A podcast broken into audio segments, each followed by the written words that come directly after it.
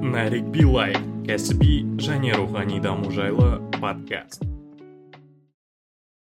Ә, сәлем достар. Бізде ә, иншалла бүгін керемет бір ә, қонақ келіп отыр. Бізге өзі бір ерекше нұрланып тұр. Мен қазір ә, қарап отырмыз бір бірімізге олжас, олжас бейсенәлі деген ә, ағамыз келіп отыр.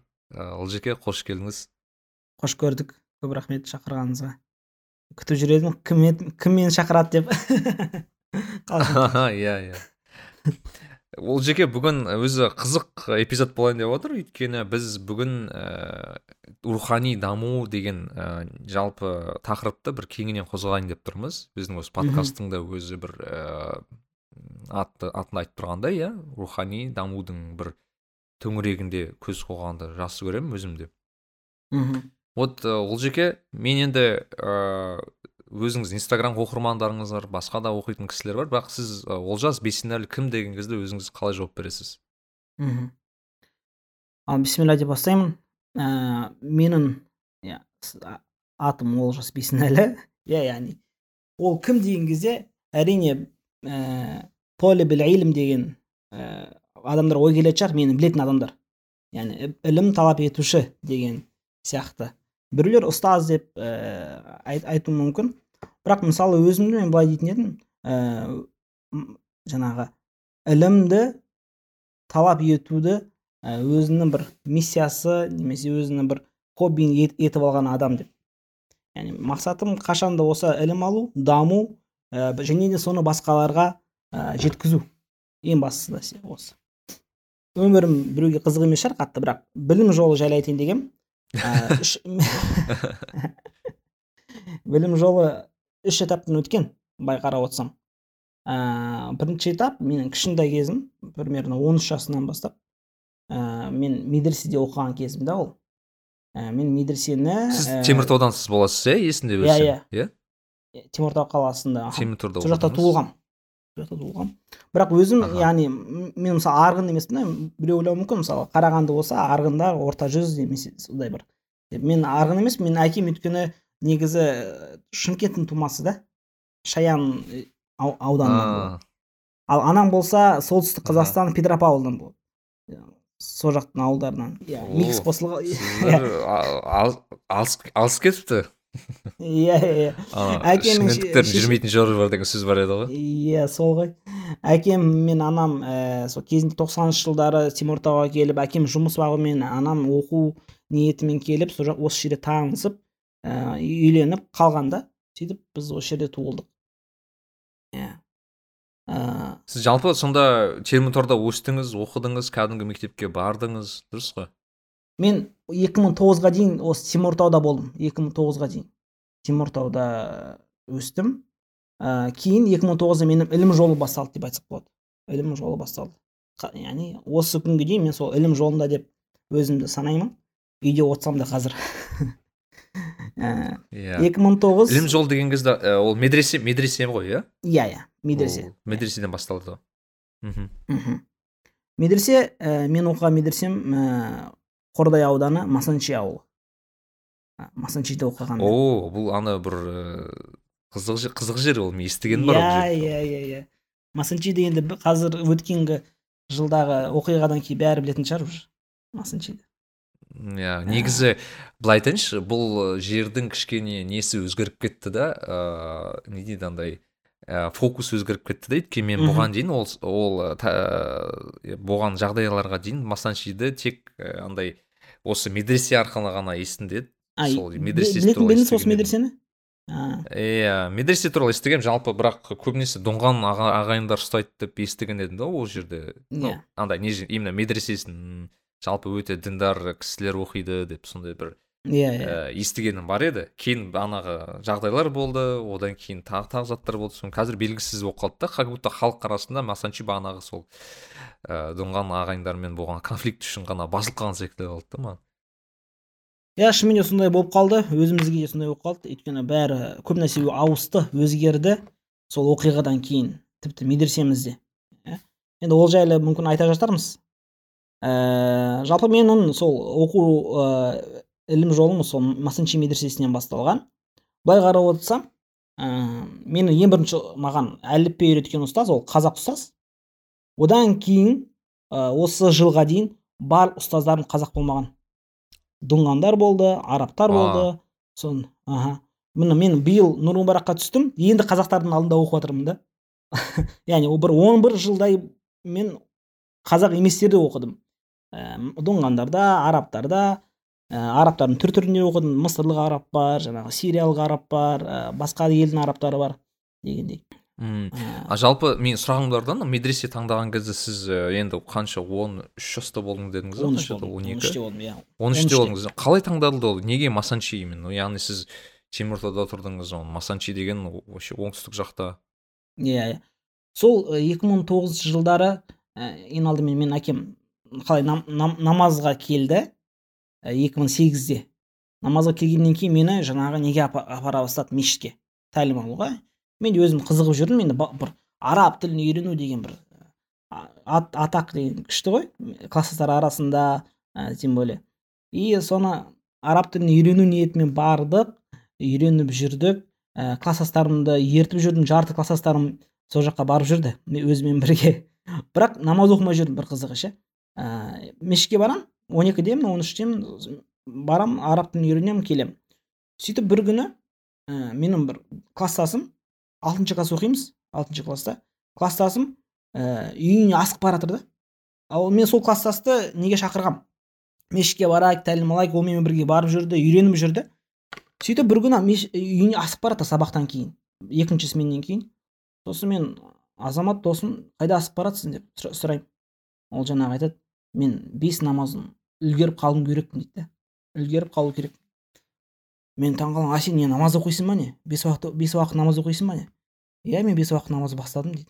Сосын былай ойланып отырдым да субханалла мен осы баланы мешітке баруына себепкер болдым. Бірақ ол менен бұрын намаз бастап қойды. Қалай мен неге мен неге бес уақыт намаз бастамай жүрмін деп? Үйге келдім да болды анам айтты мен ертеңнен бастап таң намазынан бастап ғұсыл құйынып намаз бастайын деп әкем келген кезде әкемді қуанттырдым сөйтіп намаз бастап кеттім. Сондай бір намаз бастағаным қызықты болды.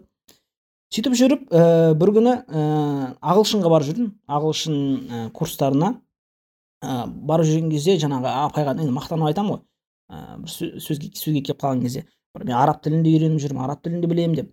Сөйтіп жаңағы апай сұрайды араб тілін білсең ә, бір сөздердің аудармасын маған айтып берші дейді да мен айтамын жоқ мен айта алмаймын. Мен арабша тек оқи аламын деймін да сосын сұрайды қалай ол? Сендер арабша үйренесіңдер бірақ жаңа аудара алмайсыңдар. Бұл араб тілін үйрену деген осы ма дейді да иә мен тек құран ашып құран оқи аламын деймін да сүре жатамын деп. Апа еще орыс. Сөйтіп ол таңқалып қалды. Өйткені тілді үйрену олар басқаша түсінеді ғой. Сөйтіп келдім да шынымен де неге мен араб тілін үйренемін бірақ ешнәрсе түсінбеймін да. Оқимын бірақ түсінбеймін. Сосын осы ой кетпей қойды басымнан. он үштемін да он үшке әлі толған жоқпын бірақ ойымда жүр. Құран оқимын түсінбеймін. Аудармаға қараймын аударма түсінік, түсініксіз. Мысалы әлям сүресін қалай оқығаным есімде. Сол сүренің аудармасын ашсам біз сенің кеудеңді ашпадық па? Қандай кеуде? Кімнің кеудесі? Түсініксіз да. Аудармада. Сосын айттым мен міндетті түрде болашақта құранды ашып оқи алатын дәрежеге дейін жетемін деп. Сондай ниет пайда болды сол кезде. Алтыншы класстың соңғы жағында. Сөйтіп демалыста каникулда жазды өткіздік. Ә, маған енді бір жаққа кету керек болды да. Мен уже теміртауда шаршадым шыны керек. Теміртауда шыны, керек өте ә, іш пыстыратындай қала да өзі дым жоқ. Сөйтіп мен кетемін бір басқа жерге оқу, оқуға түсемін. Не мұрагерге түсемін не қазақ түрік лицейіне түсемін. Не медресеге түсемін сөйтіп алаң қала мен қазақ түрік лицейіне түсе алмай қалдым. Енді мен бәрібір кетемін деп қойдым ғой. Кетемін деген соң медресе таңдау керек болды. Сонда ә, сол масанчиден ә, ұстаздар келді да қонаққа бір кісінің үйіне. Сонда мен сол ұстаздарын көріп солардың әңгімесін тыңдаған кезде мен үшін бір жаңа бір нәрсе болғандай болды да оқиғалары ше айтқан сахабалар туралы қиссалары нелері. Өте қатты таңқалдым сосын таң қалғаннан кейін мен айттым бұлар қайдан келді? Масанчи медресесі масанчиден келді ол жақта. Сондай медресе бар оқытады арабтарды арабша оқытады үйретеді құран жататқызады деп. Болды мен осыған осы жаққа барам, барам дедім. Сөйтіп әкем жарайды деді бірақ мен сені өзім жаңағы шешіп сені жібере алмаймын анамнан рұқсат сұра деді. Анам рұқсат етсе мен мен батамды беремін жіберемін анам болса оған қарсы жоқ қандай ол масанчи деген қайда? Медресе не үшін керек саған диплом бермейді саған ешнәрсе яғни ешнәрсе жаңағындай болашағың қалай болады соны ойламайсың ба деген сияқты ше сонда мен айтамын жоқ мен медресеге бармасам мен бұзыламын дедім да. Осы теміртауда жүріп өйткені теміртау бұзық қала ғой. Ә, мен бұзылып кетемін ә, егер ертең мама сіз мені жібермесеңіз ертең өкінесіз деп айтамын да. Сосын мама біраз ойланып жүрді. Бір, бір, бір айдай екі айдай ойланып жүрді. Ә, сосын не істеймін енді жібермей жатыр оқу уже басталып жатыр. Оқу басталатын уақыты болды уже сентябрь өтті октябрьге жақындап қалдық. Уже оқу басталып кетті. Сонымен не істеймін? Анама қызмет жасаймын. Маған совет берді да мешіттегі адамдар. Анана қызмет жаса массаж массаж жаса үйді жина дұға жаса тахаджудта тұрып дұға жаса таң намаздан соң дұға жаса деп. Соның айтқандарын бәрін істеп жүрмін. Анама қызмет жасаймын. Қызмет жасаған кезде бітіп настроение жақсы болған кезде анама айтамын. Ана мені медресеге жіберіңізші деп тұрып кетіп қалады ғой енді ренжіп жоқ маған ешнәрсе керегі жоқ сенен мен сені жібермеймін сен менің жалғыз ұлымсың деп сөйтіп и бір күні алланың қалауымен енді дұғам алла тағала дұғамды қабыл етті анам келеді де болды мен сені медресеге жіберемін дейді ғой. Енді родительский собраниядан келген ғой андай мені мен туралы жаман нәрселер естіген. Ал мен негізі сабақты өте жақсы оқығанмын. Алтыншы классқа дейін круглый отличник болдым да. Бірақ уже кетемін дегеннен кейін оқығым келмей қойды жетінші класста. Оқығым келмей қойды сөйтіп тұрып анам уже родительский собранияға екі рет шақырды сентябрьде. Жаман енді бұзық болдым да әдейі бұзық болдым. Анамды көндіру үшін дәлелдеу үшін. Егер мен кетпесем мен бұзық боламын мен бұзыламын деп сөйтіп анам айтады болды мен сені жіберемін медресеге деп. Алланың қалауымен сөйтіп біз медресеге түстік сол жақта мектепке кешкілік мектепке оқуға түсіп кеттік. Сонымен қатар медресеге медреседе оқып жүрдік алланың қалауымен сол жақта мен жеті жыл оқыдым медреседе жеті жыл. Жеті жыл. А сонда он үш жаста он үш жаста түсесің жиырмада бітіре ма сонда? Иә мен жиырмада бітір мен жиырмада бітірдім алланың қалауымен екі мың он алтыда. Кәдімгідей почти уже он сегізде он жетіде адам университетке түседі сонда әлі ұзақ оқиды екен иә иә енді этаптар ғой. Иә. Бұл негізі андай индо пакистанский система. Индо пакистанский система. Бізде просто медресе деп аты болғанымен мысалы индо пакистанда осы дәл біздікіндей программа оларға былай бөлінеді да бірінші яғни бастауыш мектеп одан кейін орта мектеп сосын универ сияқты. Ал бізде жеті жыл бір программа болды медресенің программасы деп ше. Яғни мысалы біз жеті жыл негізгі алғашқы үш жылы ол былай айтқанда бастауыш мектеп сияқты да индо пакистанда одан кейін уже орта мектеп деген сияқты кетеді. Яғни біз бітірген кезде как будто уже бізде жоғарғы білім бар ну на самом деле формально олай болмаса да бірақ жоғары білім бар ретінде болып шығамыз да. Медресе жайлы айтып кетесіз ба? Мысалы ол жерге ол қандай медресе неге? Мен естігенім бар ол медресе жайлы жалпы ол жерде өте көп ыыы қарилар шыққан деп естідім. Сол, yeah, иә, сол иә. жайлы естігенім бар ол именно сол медреседе көп яғни анау тарихтың кезінде басым көпшілігі біздің қарияларымыз сол бір бір медреседен шықты деп айт, айтқан кезде мен таңқалып қалған едім да. Иә және таңғалғаным ол иә доңғандардың медресесі деп түсіндірді да маған доңған ағайындар көбінесе жасайтын мешіт. Мені таңғалдырды расын айтқанда яғни бұл кісілер өздері қазақ болмай тұра. Сондай ә, бір мықты былайша айтқанда оқу орнын ұйымдастырады. Өздерінің көбінесе түсінген бойынша қаражатына еще. Иә. Yeah. и сондай үлкен не жасап жатыр дүние жасап жатыр. Жалпы қалай әсер етті қандай не болды? Мхм. Иә қазір ол қарилар ә, дайындау орталығы болып муфтиятқа тіркелген негізі масанчи медресесі. Ә, бірнеше жыл болды. Ә, ол жақта иә шынымен де қарилар біраз қарилар елімізге танымал қарилар да бар. Ә, қазақстанның несінде конкурстарында жоғарғы бірінші екінші орын алғандар бар ішінде. Ә, жамбыл облысында 80 пайыз қарияларды сол масанчиден ғой. И және рамазан айында өз көзіммен көргем ә, жан жақтан келеді. Сол қарияларды өздерінің рамазан рамазан айы басталмас бұрын әр, әртүрлі қаладан батыстан алматыдан қарағандыдан келеді да бір бізге бір қари беріңіздер біз тарих өткіземіз деп солай алып кететін біздің студенттерімізді. Сондай медресе иә ұстаздар пакистанда оқыған пакистанда оқып келіп өздері медресе салып ә, жаңағы өздерінің сол пакистанда оқыған программасы программасымен сабақ берді бізге. Енді осы жерде бір кішкене түсіндірмеу керек ә, түсіндірме беру керек секілді. Өйткені мысалы бізде кейде ойлайды мысалы пакистанда немесе басқа египетте басқа басқа мемлекетте оқыса бұл бір ағым немесе бір не. ә, біздің не емес деген секілді түсіндіру керек. Мен білсем ә, пакистан. Мхм. ол біріншіден біздің ханафи мазхабын ұстанатын яғни Таза біздің ханафи, орта иә. азиялық ә, таза ханафи ә, мазхабын ұстанатын яғни біздің қазақтың да жолымен жүретін кісілер яғни ә, біріншіден. Екіншіден ол кісілер ә, жалпы пакистан білсем ислам мемлекеті иә? Жалпы ол негізгі не, дін енді ол или ә, былай айтқанда теократиялық мемлекет емес бірақ соған жақын мемлекеттердің бірі да. Жақын иә иә. И бір дін діни жағынан байқасам дамыған мемлекет деп айтсам сол жағынан именно дін дін жағынан Иә. дегенім ғой. Иә дамыған. Иә бұл жерде мүмкін үлкен бір стереотип бар адамдар арасында. Пакистан индия десек кішкене шошисың шошисың ғой. Өйткені пакистан туралы индия туралы неше түрлі кинолар бар иә кашмир сияқты. Бірақ ә, енді шындықтың бір несі бар шығар бірақ ол жақта былай айтқанда адамдар өте қарапайым мінез құлқы деген тамсанасын егер мүмкін сіз көрген шығарсыз голландияда индо өте көп олар өте жұмсақ болады. Сөйлегендері де жұмсақ былай айтқанда. Жақсы жұмсақ жігіттер ғой адамдар өзі Ә, ешқандай бір несі жоқ. Ә, біз оқыған кезде мысалы бізге талай тексерістер келді біздің оқитын кітаптарымызды көрді бәрі ханафи мазхабына сәйкес екенін ақидамыз матурди екенін бәріне. Ә, көздері жеткен. Сансызбай ұстаздар да келген. Басқа да кезінде абдужаппар ұстаздар келген сарыағаш медресесінің ұстазы. Ә, былай айтқанда ә, қолдау болды да. И муфтият та өздерінің несін берді осы қанша? екі үш жыл болды бергеніне. Өйткені басқа медреселер аз болды. Ол кезде былай танымал болған жоқ та. Сарыағаш медресесі енді енді дамып келе жатты ақтөбе жақта астана медресесінде. Енді былай былай айтқанда қатты танымал болмағансың. Сол жаққа бардық. И екіншіден ол мен о- мен жеті жыл орысша оқыдым. Маған орыс тілі өте жеңіл. Да мен қазақ мектебінде оқысам да бірақ орыс тілінде ә, медреседе оқыдым.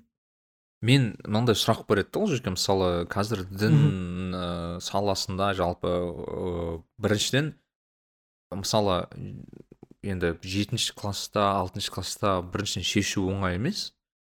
Ә, жалпы Иә. мен болды осы осы жолда кетем деген яғни менің ойымша бұл бір саналықты қажет ететін секілді адам ну оқитын баладан да мысалы. Яғни өйткені ол оңай емес таңдау. Мен мысалы білемін Иә. он бірінші класты бітірген балалардың өздеріне оңай емес таңдау а тут жетінші класста таңдау керексің да сен. Ә, жалпы и мен көбіне білем ә, балалар оқиды. Мысалы мен бірнеше кісіні білем өзі медресеге түскен бірақ ә, бітірмей шығып кеткен. Ә, кейін кәдімгі оқуға түскен тағы басқа. Ә, бірақ бір білетінім жалпы ә, дін жолында оқу керек оқу оқитын адам солай шешсе ол как бы не медресе оған қатты әсер етеді қанша дегенмен. Өйткені мектептен кейін барып ыыы кәдімгі оқуға түсу ол қайда оң, ә, қиын деп естідім да ол жағынан. Иә. Жалпы қаншалықты керек мысалы дін жолында оқу керек болса медресеге түсу? Жақсы сұрақ.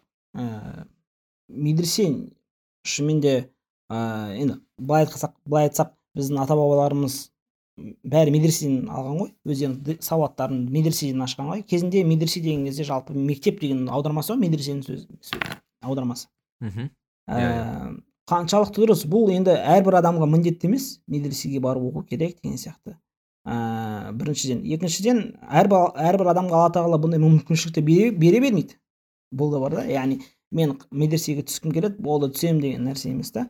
Ол алла тағала саған мүмкіншілік берсе сондай бір жүрегіңді ашып қойса түсесің. ал жүрегін ашпаса мысалы мен сол медресеге кететін күні менің жақын жа- жақсы досым болды. Екеуміз медресеге барғымыз келді да. И мен кететін түні мен сол сол досымның үйіне келдім айттым. Кеттік медресеге. Ана жаққа түсіп аламыз ол жақта бәрін реттеп аламыз деп. Әкесі жібермей қойды. Айтты жоқ сен ол жақта диплом бермейді сен ертең бітіргесін не, не боласың кім боласың деп ше? Сөйтіп жібермей қойды мен медресе бітірдім. Ііі альхамдулилля қызметке тұрдым. Ұстаз болдым наиб имам болдым. Ол бала былай айтқанда колледж оқыды толық бітірмеді. Кейін нұр мүбаракқа түсті. Нұр мүбаракта дұрыс оқымады былай айтқанда бітірмей кетті да мен қызметте болдым иорданияға барып жоғарғы білім алдым. Келін келдім де екінші жоғары білім алып жатырмын қазір. Нұр мүбаракта былай айтқанда анау кісі жаңа әкесі ә, дипломға бір дипломнан қорқып диплом болмайтынынан қорқып жібермей қойды да менің әкем тәуекел етіп жібере салды да и нәтиже осындай қазір айтсақ болады. Жаңағы бала қазір заводта жұмыс істеп жүр. Мен болсам мысалы сабақ беріп жүрмін деген мысал келтіруге болады да. Яғни бұл алланың сондай бір қалауы алланың саған бір тауфиқ дейді ғой. Яғни саған күш қуат береді да бұндай нәрсеге. Ол бір. Енді ә, медресеге не үшін түсу керек? Өйткені медреседе бәрібір ол жақта дисциплин, дисциплина бар ол жақта мықты тәртіп бар. Ә, және де сен мысалы өз басым медресеге түскеніме өте қатты қуанамын неге мен ә, мысалы оқуымды нұр мүбарактан емес медреседен бастағанымда өте қуанамын да.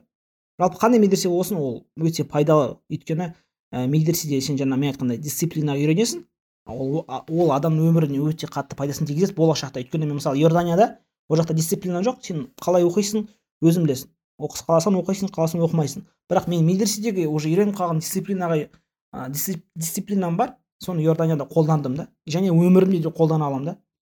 Ә, ол бір. Екінші әдеп. Ұстазға әдеп. Жаңа қасыңдағы досыңа әдепті үйренесің. Ә, пайғамбарымыз сүннетін берік ұстануға. Ә, бұның барлығы медресенің ә, жаңағыдай ә, тигізетін бір септігі өте ә, көп. Нұрым мысалы университеттен қарағанда да өйткені университетте бәрібір де сен барасың келесің оқисың. Бұл уже балаға зависит. Ол бала шынайы оқи ма?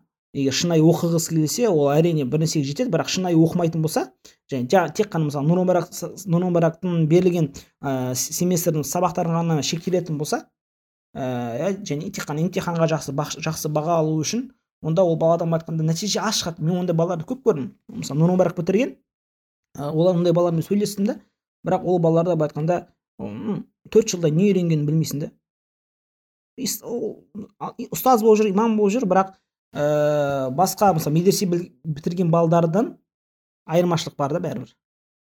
Ал енді басқа нұрмараттың балдары бар. Олар оқыған кезде сабақты дұрыстап оқыды және тек қана нұрмарактың семестрдің сабағын емес қосымша сабақпен де айналысты. Олар медресенің балаларынан асып кеткен. Яғни бұл жерде әрине балаға зависит ал медреседе болса сен хочешь не хочешь оқисың да ол жақта өйткені ұстаздың несі бар контролі бар ә, және мысалы кейде өзің нәпсің шаршап кетеді ғой. Қыдырғың келеді нең келеді бірақ сенің тосқауылдар тұрады да. Ұстаз тосқауылы медресе тосқауылы сыртқа шыға алмайсың деген сияқты. Көрдіңіз ба сол үшін медресенің осындай бір плюстары бар. Мен де кейде ойланамын да осы жайлы. Негізі мысалы кәдімгі оқу ладно мен мысалы кәдімгі оқуда болдым төрт жыл оқыдым. Ыыы мен инженермін. Как бы менің ойымша инженер болу үшін төрт жыл жеткілікті жалпы. Одан да аз кейбіреулерге үш жылда жеткілікті кейбіреуге екі жылда жеткілікті негізінде.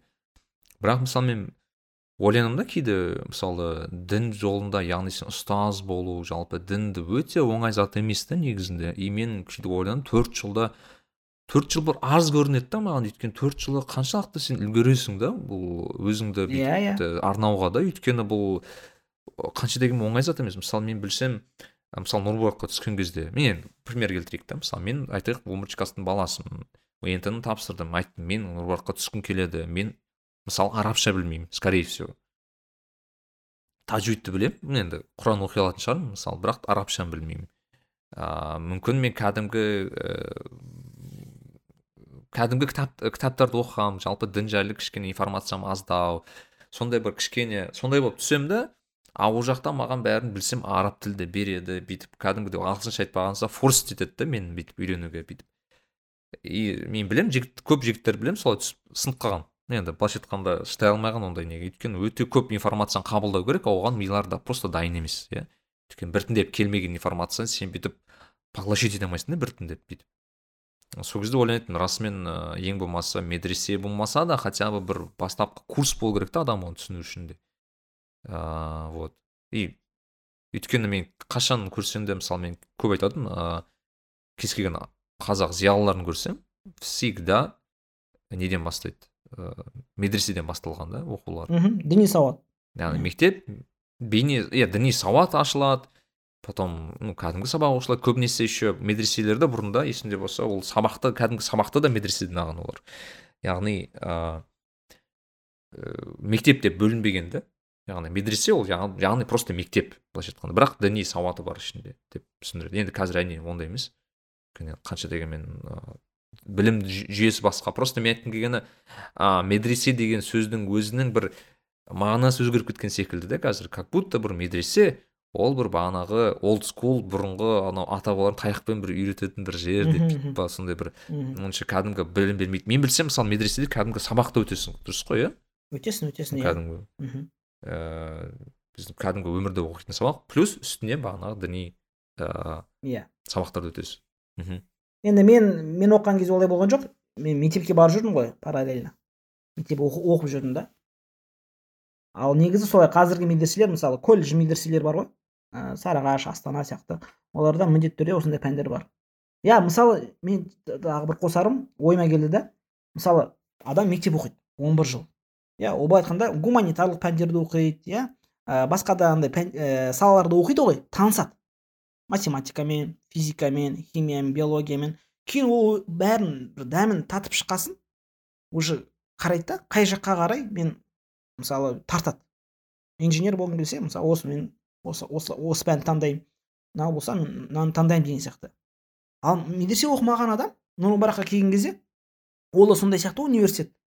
Бірақ сенде база болмаса бұл жаңа әлем. Мектептің әлемі басқа медресенің нұр мүбарактың ж- басқа жаңа әлемде егер сен жаңағы ешқандай бір фундаментің болмаса ол жақта уже терең уже специальность қой. Ислам танушы сен боласың. Сен немесе дін танушы боласың теолог боласың. Ал сен базаң жоқ сен қалай мама уже специалистке кет- кетіп қаласың. Вот проблема. Ал егер сен медресе оқитын болсаң сенде уже база бар. Ары қарай саған уже просто таңдау керек та. Мысалы мысалы мен иорданияда фих саласын таңдадым. Осознанно таңдадым да. Өйткені білемін маған фих ұнады. Ол жақта мысалы фихтан мамандығы бар жаңағы тафсир ә, хадис ақида мамандығы бар ә, исламский финанс мамандығы бар. Уже білесің өйткені сенде фундамент бар. И сен уже білесің мына фихтан осыны үйре- үйренеді бірақ тереңірек. Мен осыған барғым келеді. Мына хадисте немесе тәпсирде осыны үйренеді осыған барғым келеді. Өйткені мен базамен бардым. Ал базасыз баратындар олар келген кезде не оқимын. Сұрайды да не оқысам болады? Ә, қайда түссем болады? И ол анау мынаған түсейді мынау мынаған түсейді ол басы қатады сосын бір ә, бір бір нәрсеге бір салаға түсіп алады да. Кейін ол сала оған ұнамай қалады. Мен мысалы бір баланы білемін. Ә, басында исламский финансыға түсіп алды иорданияда жүрген кезде. Үш жыл оқыды ше. Үш почти үш жыл ма нақты айта алмаймын бір үш жылдай оқыды. И айтады да не мое дейді. Не мое дейді. Да хотя ол медресе оқыған. Бірақ сонда да көрдіңіз ба ә, не медресе оқыған бала сөйтіп айтып жатса медресе оқымаған балаға ол вообще қиын болады.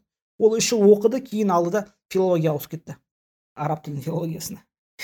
Енді ол мысалы ол би- биыл немесе былтыр бі- бітіретін еді бірақ әлі оқып жатыр да. Яғни бакалавр. Мхм сондай бір мысалдар бар да. Ол жерге ол жерге сіздің мысалыңызда қараңыз сіз ііі жиырма жаста бітірдіңіз иә? Мхм, ә, нені? Медресені масанчиде а, Иә. кейін? Ә, бітіргеннен кейін сізде Қызмет. енді бір таңдау қыз, ә, қызметте болдыңыз сразу қызметке түстіңіз ки- оқуға түсемін деп шештіңіз бе? Қалай болды жалпы? Шыны керек жеті жыл оқып жеті жыл оңай емес бір жерде оқу бір контрольда бір адамдар жеті жыл бойы ә, бір беттер дейді од- одни и те же лица. Деп оңай емес та.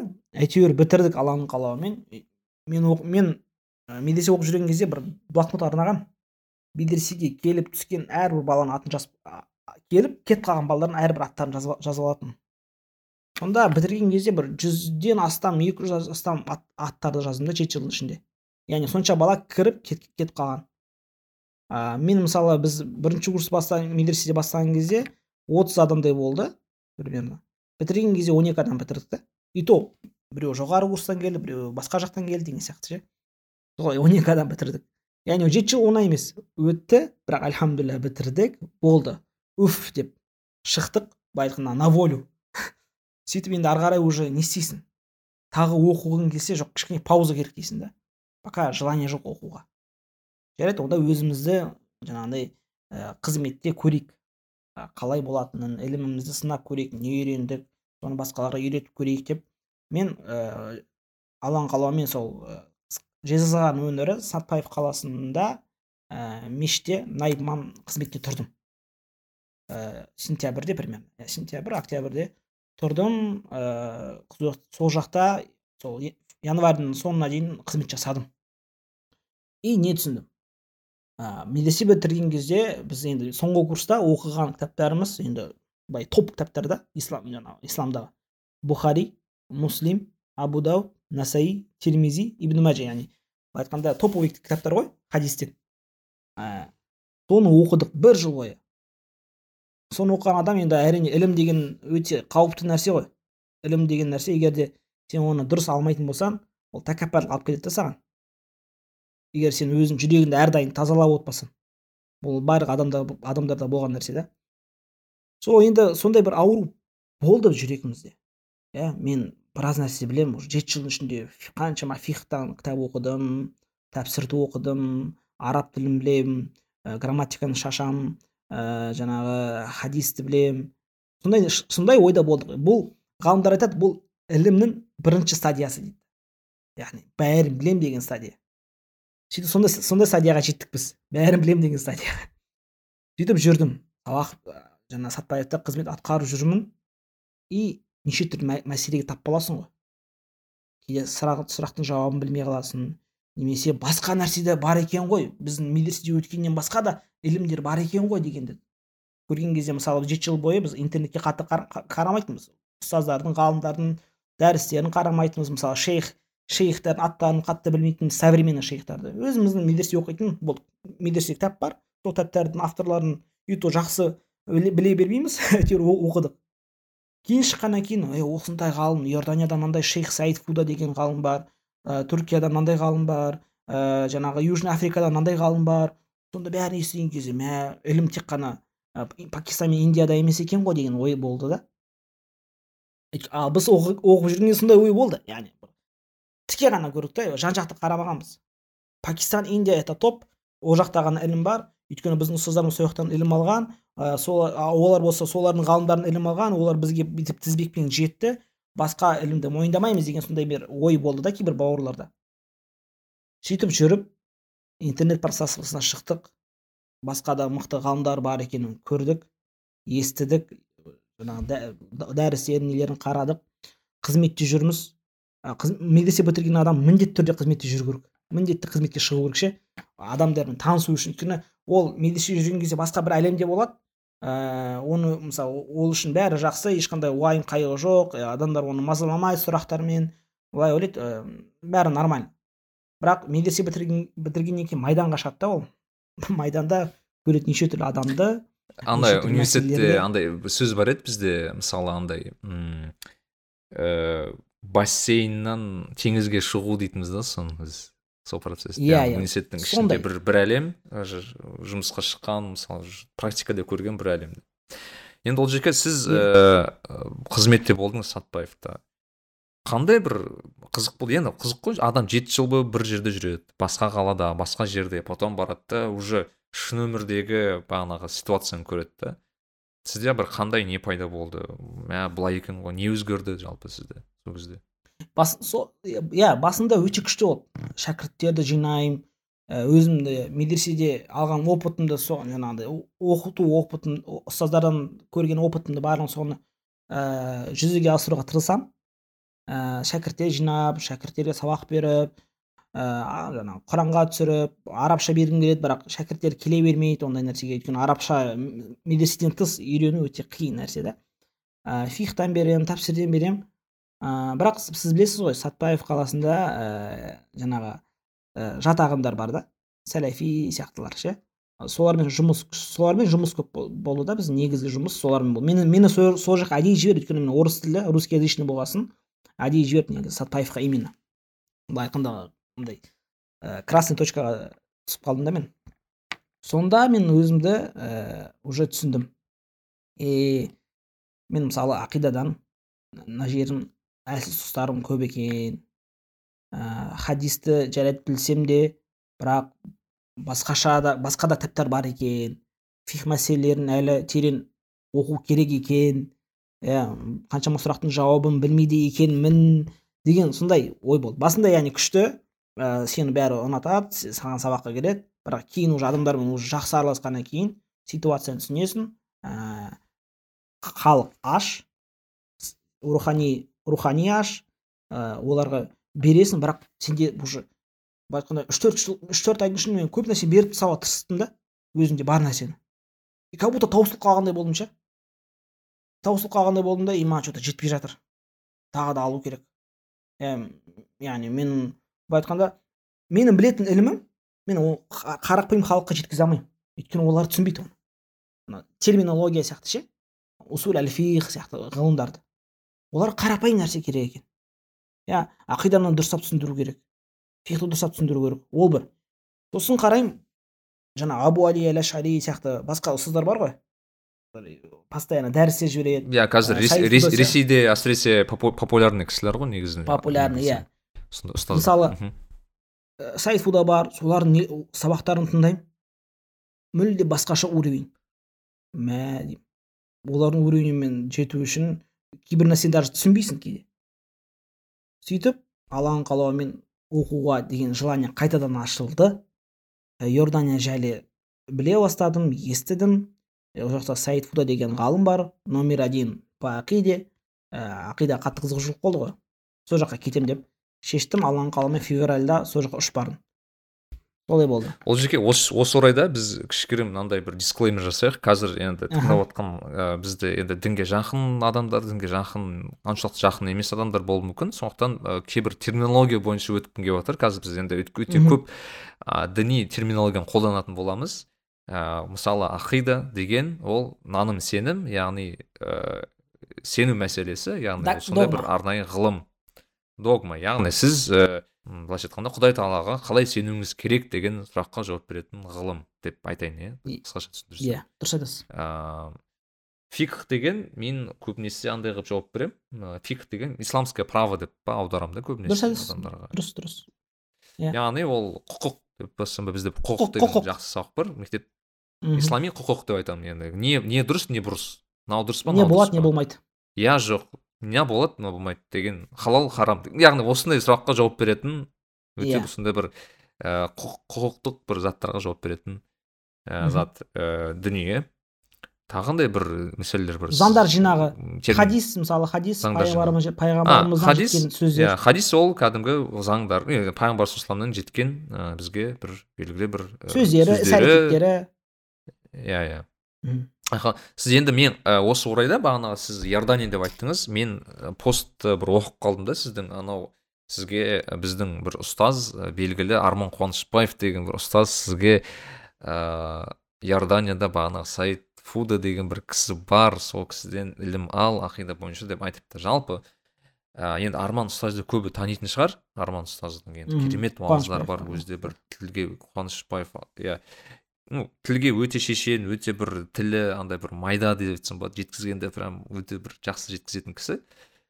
Осы орайда ә, бірнеше сұрақ бар. Неге бір, біріншіден неге иордания ә, екіншіден жалпы сайтфуда туралы ә, сөйлессек. Жалпы ол кісі кім?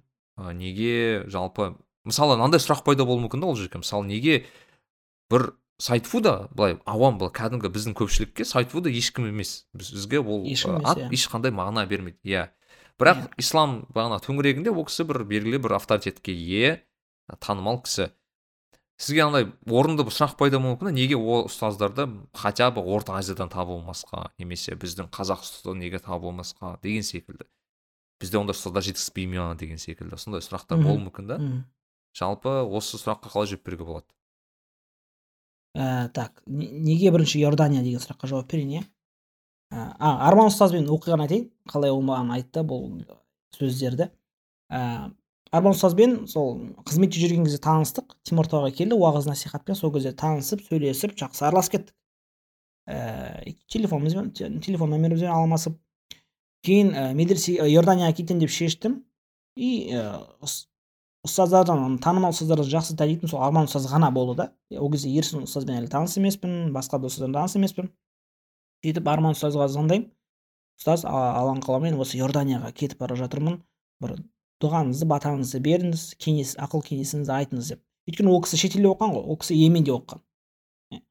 Ә, білесіз ғой йеменде біраз жыл оқыған ол бүкіл араб ел араб ә, елдерінің темасын жақсы біледі. Сөйтіп ол кісі айтты ой маша алла ә, дұрыс ә, иорданияда ә, шейх саид фуда деген ә, осы қазіргі заманның номер один ғалымы бар сондай бір қарапайым тілмен айтқан кезде ә, сол үшін соған барып оқыңыз дұрыс алла тағала жаңағындай ә, өзінің батасын берді бұл одан сайын мотивировать етті. Мен айттым иә мен как раз ол саид фуда үшін бара жатырмын деп. Яғни иордания не үшін кім болса саид фуда үшін да былай айтқанда мақсат. Бірақ мен саид фуданың алдында білесіз ба бір жылдан кейін бірақ иә, саид фуданың алдында иорданияда жүрген кезде бір жылдан кейін ғана барып отырдым ол да ұзақ бір әңгіме болады қазір. Не фуда ә, енді біз жаңа айттық қой неше түрлі шариғатта салалар бар. Ә, ақида саласы догма ә, догма наным сенім. Ә, фих саласы ә, тәпсір құранды түсіндіру ә, толкование құраны сосын ә, хадис ә, исламские финансы исламская экономика ә, сияқты салалар бар. Университеттерде сондай салалар бойынша сабақ беріледі. Ә, мен сатпаевта өзімнің ақида ілімім яғни сол салада өзімнің бір әлсіз тұстарымды көп байқап қалдым. Көп нәрсе білмейді екенім, екенімді. Ол бір екіншіден ә, саид ол жай ғана бүйтіп алла тағалаға былай сену керек оны былай бұған былай жауап береміз ей алла тағала былай сену керек. Ә, алла тағала осындай пайғамбар пайғамбарлар осындай болады періштелер осындай болады деген сұраққа жауап бермейді. Ол кісі үлкен ә, ғалым неге? Өйткені қазіргі заманның шубухат деген нәрсе бар ғой. Шубухат дегеніміз андай күмәнді исламға бір ә, күдік келтіретін исламның шындығына ақиқатына күдік келтіретін алланың бар екеніне күдік келтіретін пайғамбардың растығына күдік келтіретін сұрақтарға жауап беріп жатқан кісі. Бір соған еңбек жасап жатқан кісі. Батыстың эммануэль канттан бастап ә, қазіргі э, заманауи философтардың ә, олардың идеологиясын зерттеген және соған орай ислами призмадан қарап жауап берген ғалымдардың бірі. Яғни рационализм рациональный наукаға өте қатты мән берген кісі. Кәләм мантық логика кәләм деген жаңағы ақида. бірақ кәләм ақидадан сәл айырмашылығы бар. Ол жақта мысалы біз ә, бізде шариғатта негізгі ә, былай айтқанда мастар дейді ғой дереккөз ол құран және сүннет. Негізгі дереккөз құран және сүннет. Егер құранда осылай келсе мысалы құранда алла тағала шошқаны харам етті болды. Бұл біз осыны дәлел етіп аламыз. Немесе пайғамбарымыз саллаллаху алейхи уассалам хадисте ә, мынау нәрсе харам деп айтты немесе мына нәрсе халал деп айтты біз соны ұстанамыз. Бірақ басқа да дереккөз бар да источник. Ол ақыл. Яғни айтқанда разум. Соны қатты меңгерген ислами жағынан иә біз енді оны философ деп айтуға болмайды өйткені біз философияға басқаша қырынан қараймыз да.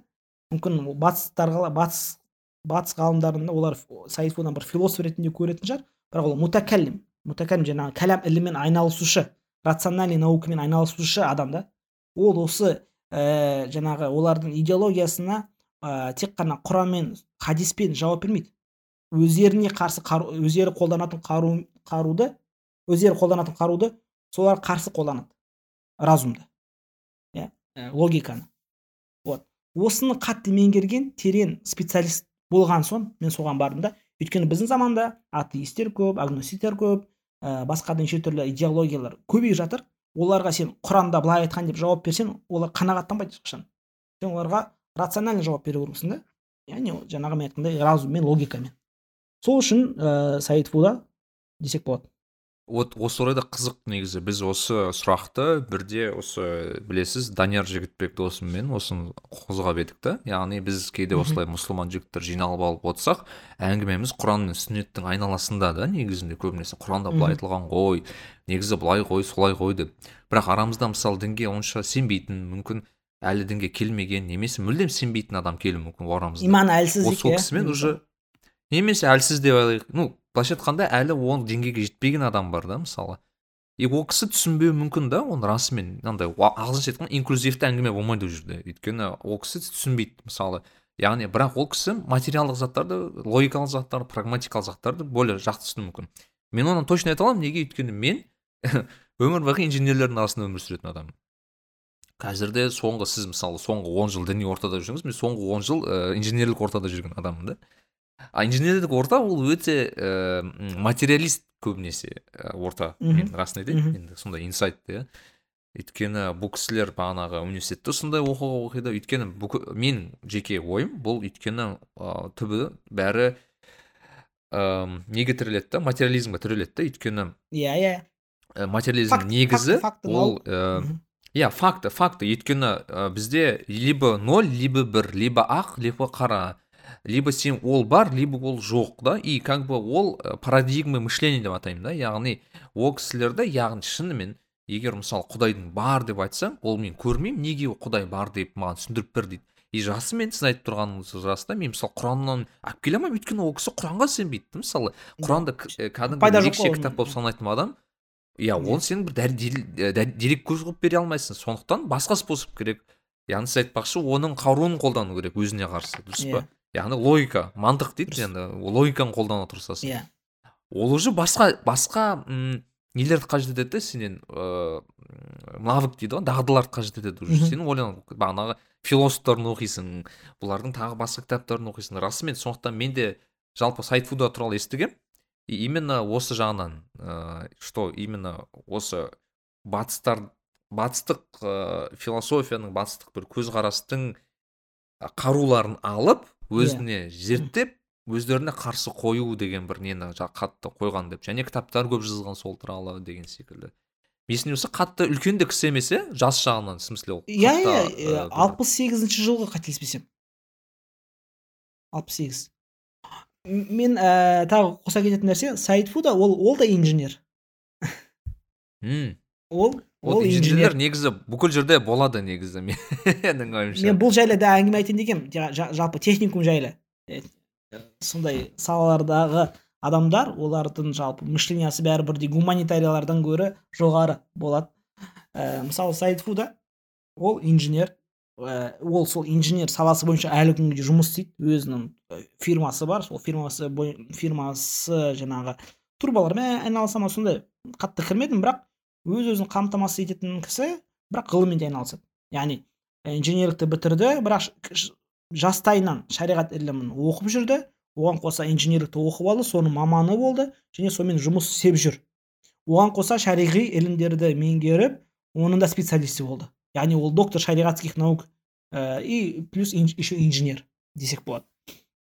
Ә, және де сайтфуданың қасындағы шәкірттері мықты мықты шәкірттері біреу физик біреу инженер сондай. Сондайлар жинап алған да олар енді субханалла алдарында отқан кезде олардың мышлениясы айтатын сөздері бәрі басқаша да. Енді ол байқалып тұрады. Мен солардың арасында көп жүрген соң уже ажыратамын да. Мынау гуманитарий мынау болса техникум деген сияқты ше мынау инженер мынау ыыы медицинада оқиды. Өйткені бәрібір айырмашылық бар. Және де сол иорданияда ыыы жалпы сөз арасына қосып кетейін. Ә, мен оқыған университетім ә, государственный университет болып саналады государственный. Ол жақта тек шариғат факультеті емес бүкіл факультеттер бар. Инженерия медицина ә, гуманитарий ә, барлық сал, салалар физкультура барлығы бар да.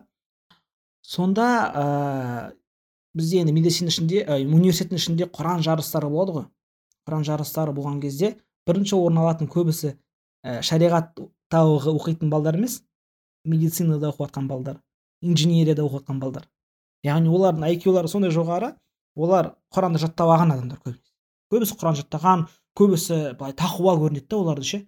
Ііі яғни қыздары көбі көп көптеген қыздар орамалда ә, ұлдары жаңағындай дінге берік ұстанып жүретін ә, намаздан қалмайтын ә, кейде көресің мысалы бізде енді университет ішінде намазханалар бол- болады ғой. Имамда има- имамда тұрған кезде имамға шыққан кезде иә шариғаттың балалары шықпайды кейде медицина инженерінің балалары шығады да. Олардың дауыстарын естіген кезде субханалла таң, таңқаласың яғни былай айтқанда ә, шариғат пен бұндай салалар ешқандай бір не жоқ противоречие жоқ. Сен екеуін де алып кете аласың. Сен медицинада оқысаң да сен инженер болсаң да кім болсаң да ай, ай, ә, айтишник болсаң да иә яғни екі саланы алып жүру мүм- мүмкін. Тем более осындай жандарға. Ә, өйткені оларға бір нәрсені ұғып алу оңай да. Е, саид фуданың қаншама несіне қатыстым вебин семинарларына қатыстым. Сондай кезде студенттер көріп қаласың да ол студенттерді мен университетте көретінмін. Кейін барып сұраса сен қайда оқисың десем мен инженерияда оқимын дейді мен медицинада оқимын дейді.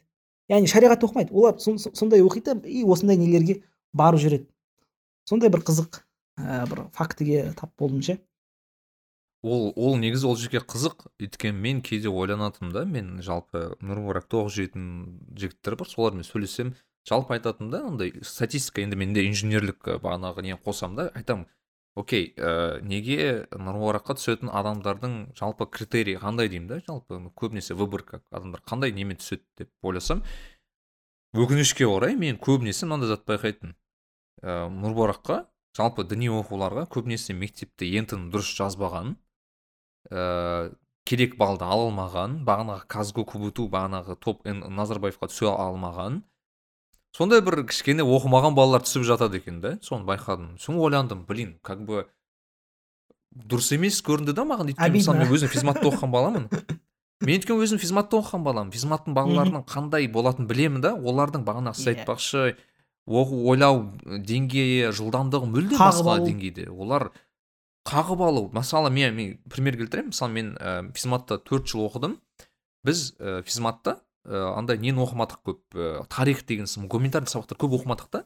Өйткені yeah. Иә. бүкіл бар физика математика химия осы сабақтарға беріле берді беріле берді. До того беріліп кетті біз уже ана университетский университеттің материалдарын кейде өте өтіп кететінбіз да. Бірақ қызығы біз он бірінші класста ә, не тапсыру керек? Енді тапсыру керек? Енді тапсырған кезде ішінде не бар? гуманитарлық сабақтар бар.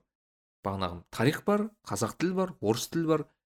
Яғни біздің балалар физика математиканы былай да жиырма бес алатын да иә. дайындалмай ақ ал бағана үш сабақ үйрену керек. Сондағы бір ары кетсе айтайын бір бір жарты жыл кететін да соны үйреніп алуға біздің балаларға соны. Иә. Енді ал керісінше мысалы балаларға керісінше кәдімгі мектептің балаларына математика физиканы үйреніп алу жарты жыл енді ну явно жетпейді. Өйткені ол иә.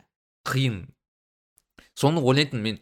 Неге мысалы ә, бағанағы физматты бітірген ең мықты оқыған бала бағанағы нумуракқа немесе бір діни бір оқуға түссе ол бала шашады да негізі. Ана андай немен? Ой өрісімен андай критикалық ойлау бағанағы не істейтін ойымен адам түссе шынымен көп затқа жетеді. Бірақ өкінішке орай ол балаларға приоритет әрине бағанағы техникалық оқу программистке оқу финансистке оқу тағы басқа.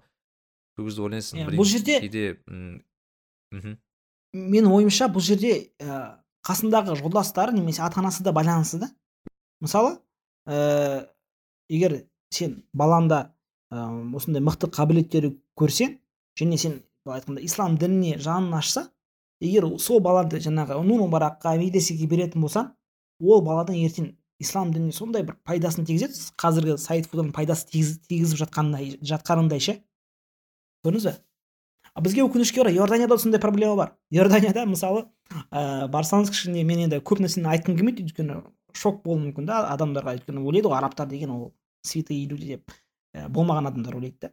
Бірақ мысалы мен ә, сол шариғатқа түскен кезде ә, мен ойлайтынмын шариғат факультеті балдары бәрі андай мықты тақуа деп ше. Бірақ өкінішке орай олай болмай қалды да. Яғни көптеген балдар олар сол шариғатқа не үшін түсті өйткені балдар аз болып қалды. Оларда оларда сондай нт сияқты сондай система бар. Ә, сол балдары шешеді да. Жүзден асса олар міндетті түрде ол қуанады инженерия медицина сол жаққа түседі. Ал егер одан төмен болса жетпіс сексен болып қалса либо сол жаңағы филологияға араб тілін үйренеді немесе шариғатқа барады да. Ә, шариғатта ә, енді ол бұзық бала болуы мүмкін да. Мектепте мектеп, оқымаған бала мүмкін. Ә, жаңағы намаз оқиды бірақ әке шешесінің жаңағы ұрысуымен намаз оқуы мүмкін да. Енді бітіргесін мектеп бітіргесін оған енді болашақта ә, жұмыс болу үшін араб жұмыс табу оңай емес. Жақсы жерде жұмыс жасау да оңай емес. Ә, жұмыс болу үшін енді оған жоғары білім керек. Ә, не істейді енді? Болмаған соң шариғатқа түседі. Ойлайды шариғат оңай деп ойлайды да оларға. Ә, шариғат та оңай емес негізі. Бірақ шариғат қой деп ә, сондай бір мышление бар. Түсе салады. Ә, и өкінішке орай дүмше молдалар пайда болады да. Өкінішке орай ше сондай нәрсе бар. И мен оны масынчи медресесінде байқағанмын думандар да мысалы мықты оқитын балдарды ешқашан медресеге бермейді. Олар ар жаққа жібереді да. Яғни бизнесмен болады не болады. Ал андай бұзық балдарды медресеге жібереді жоқ түзелу үшін да сол бала мүмкін түзеліп кетер деген сияқты ше. Сондай нәрсе бар. Андай іш, мен бір- өмірде көрген бір история андай ә, ә, мектеп бітірдім дейді да. Бір жігіттің әңгімесі ғой енді нұрбаққа түскен айтады. Мектепті бітірдім ентіні ала алмадым төмен түстім оқуға түсе алмадым сол кезде әке шешем бала хотя бы ішіп кетпесін деп нұрбаққа түстім дейді да. Ә, күлкілі да енді ана естісең Да, да, да. кішкене иә и сондай мысалы енді егер ол ары қарай сол нұрбарақ оқып немесе шариғат факультетін оқып ары қарай ашылып кетпесе мынандай ізденіс пайда болып иә екінші курста мысалы бірінші курс өз өзін таппай ке екінші курста ашылып ізденіс бәрін ақтарып оқып дегендей болмайтын болса ондай ондай балаларды керісінше исламның пайдасы емес кесірі тиюі мүмкін да өйткені ол почти дөмеше да видите ә, дұрыс оқыған жоқ шариғат дұрыс білмейді жаңа айтып отыр ішіп кетпеу үшін енді бұл қызық ә, ниет та ниет формулировка да негізі? Мен негізі мындай бір қызық э, история айтып бере аламын осыған байланысты. Мен негізі ыыы жұмыс істеп жүрген кезде бір моменттер болды да мысалы мен нұрбараққа жұмаға баратынмын көп. Жақын болды да жұмысқа. Сол кезде барып бағанағы нұрбарактың ішіндегі атмосферасын айттым да маған анау бағанағы ст- студенттер бағанағы құран оқып аура бағанағы таңертең барсаң да кешке барсаң да кітап оқып жатқан студенттер. Бір аурасы бар шынымен де. Сөйтіп ойланып бір күні есімде ойланып кеттім да блин по идее бір оқып алсам ба деп қоямын. Өйткені маған шынымен ұнайтын да яғни осындай атмосферада болу сөйтіп бүйтіп ойланып жүрдім да. И бүйтіп шынымен бір күні есімде бір күні ойланып кеттім соған. Түсіп алсам болады екен в принципе оқу бірінші оқуым бар жұмысым бар. Кішкене бір ақша жинап алсам өзім бір қызық қызыққан бір затымды оқуым деген секілді сондай бір ой келді. Еще не поздно нәреке еще да жоқ ә, мен сол кезде отырдым да ойланып и мен бір досым айтып қалдым соны. Маған қарап ше сол кезде айтып қалдым осылай да осылай десем. Бүйтіп маған әркей сенің айтқаның дұрыс деді да мхм деді да бірақ бірақ ойла мынаны ойланшы деді да. Как бы ма- мақсат қандай деді да сенің? Ә, ну түскенде мақсатың қандай деді да? Мен айттым енді білім алу білімді аласың ладно сен не істейсің ол біліммен деді да. Ну жа- жаясың адамдарға үйретесің мүмкін тағы басқа деп айттым да сол кезде. Жалпы енді айтады да маған сен дін жаю ғой сондағысы дейді да сен айтқың келген иә. Жалпы осы ғой мақсат дейді да. Мен говорю иә. Енді нәрікпей дінді тек сен олай ғана жаймайсың ғой деді да маған. Ол бір способы ғана ғой дейді да жалпы. Мхм. қалай деді? Мен айттым сен сен инженерсің ғой деді иә. Вот сен инженер болып та жая аласың ғой деді маған саған как бы иә. мысалы андай андай қылып түсіндірді да мысалы қанша бір 300 студент түседі деп айтайық деді да мысалы неге? Нұрбараққа жылына. Мхм Э, 300 студент түссе сонда ну по хорошему 300 э, жылына 300 имамдай бітіреді дейді да университетті сонда.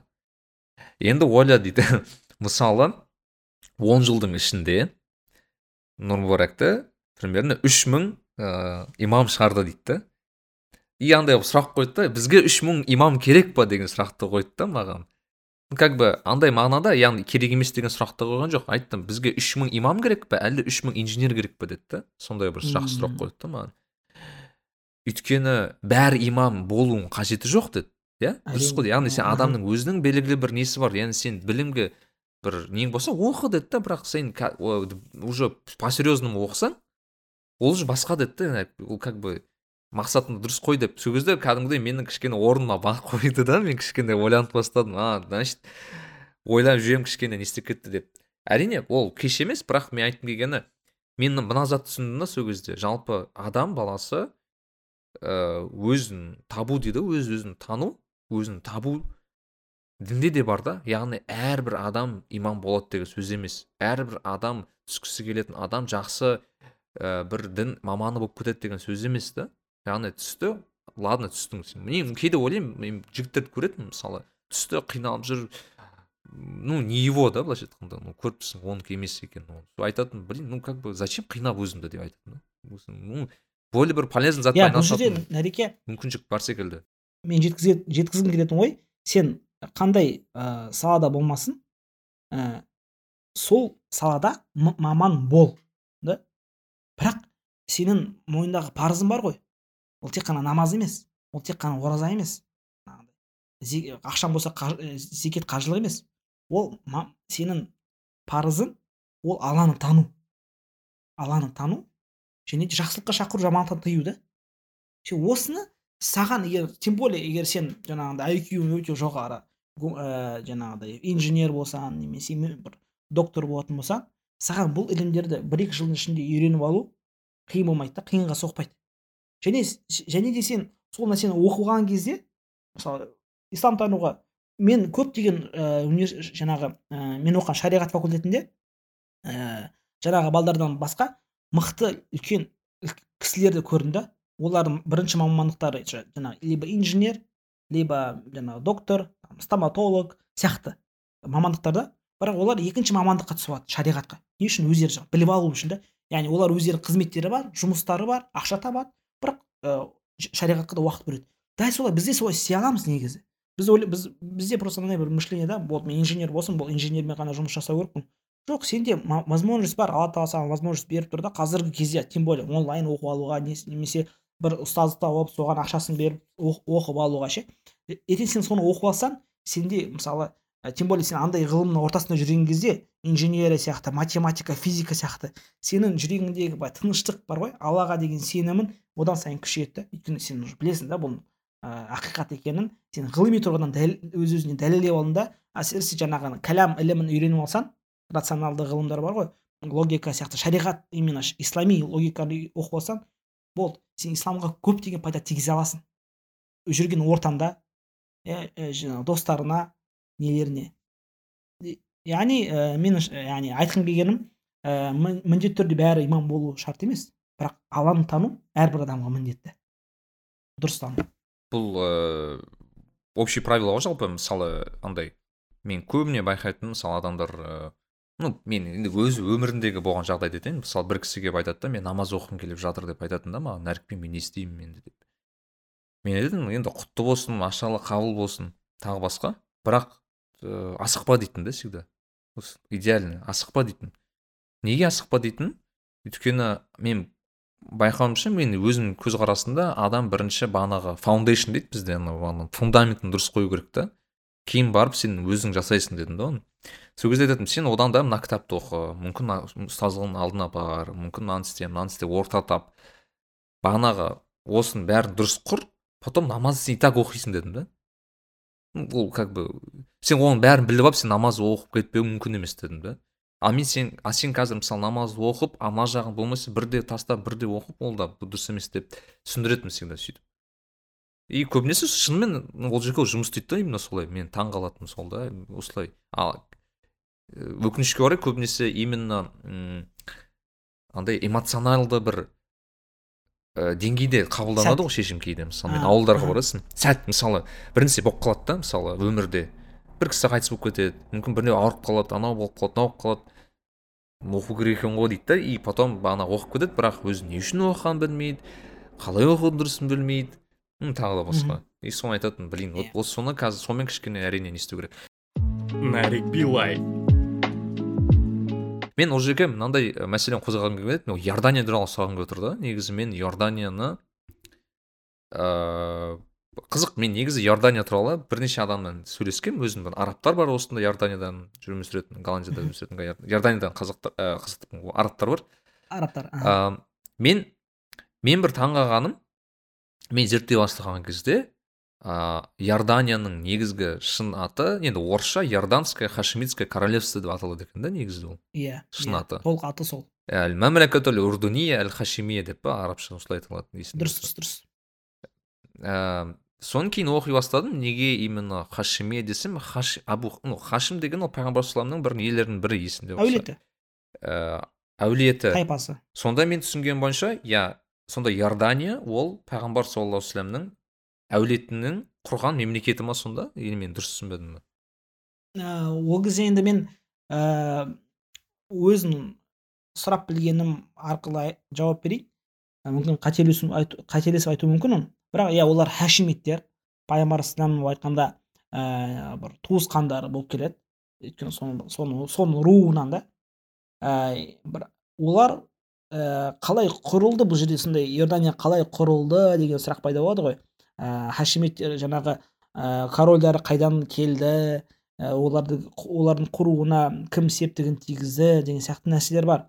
Иә мысалы олар саудиядан қудаланды десек болады.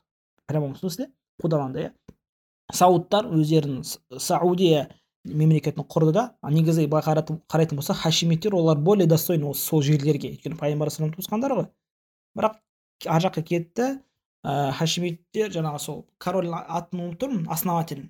Аб- абдулла ма? Вроде сондай абдулла первый ә, сияқты. Сөйтіп ол иорданияда жүрген кезде оған англия көмектесті ә, сөйтіп ол мемлекет құрып алды. Қысқа нұсқа айтқанда. Сол мемлекетті құрды яғни границасын белгіленді.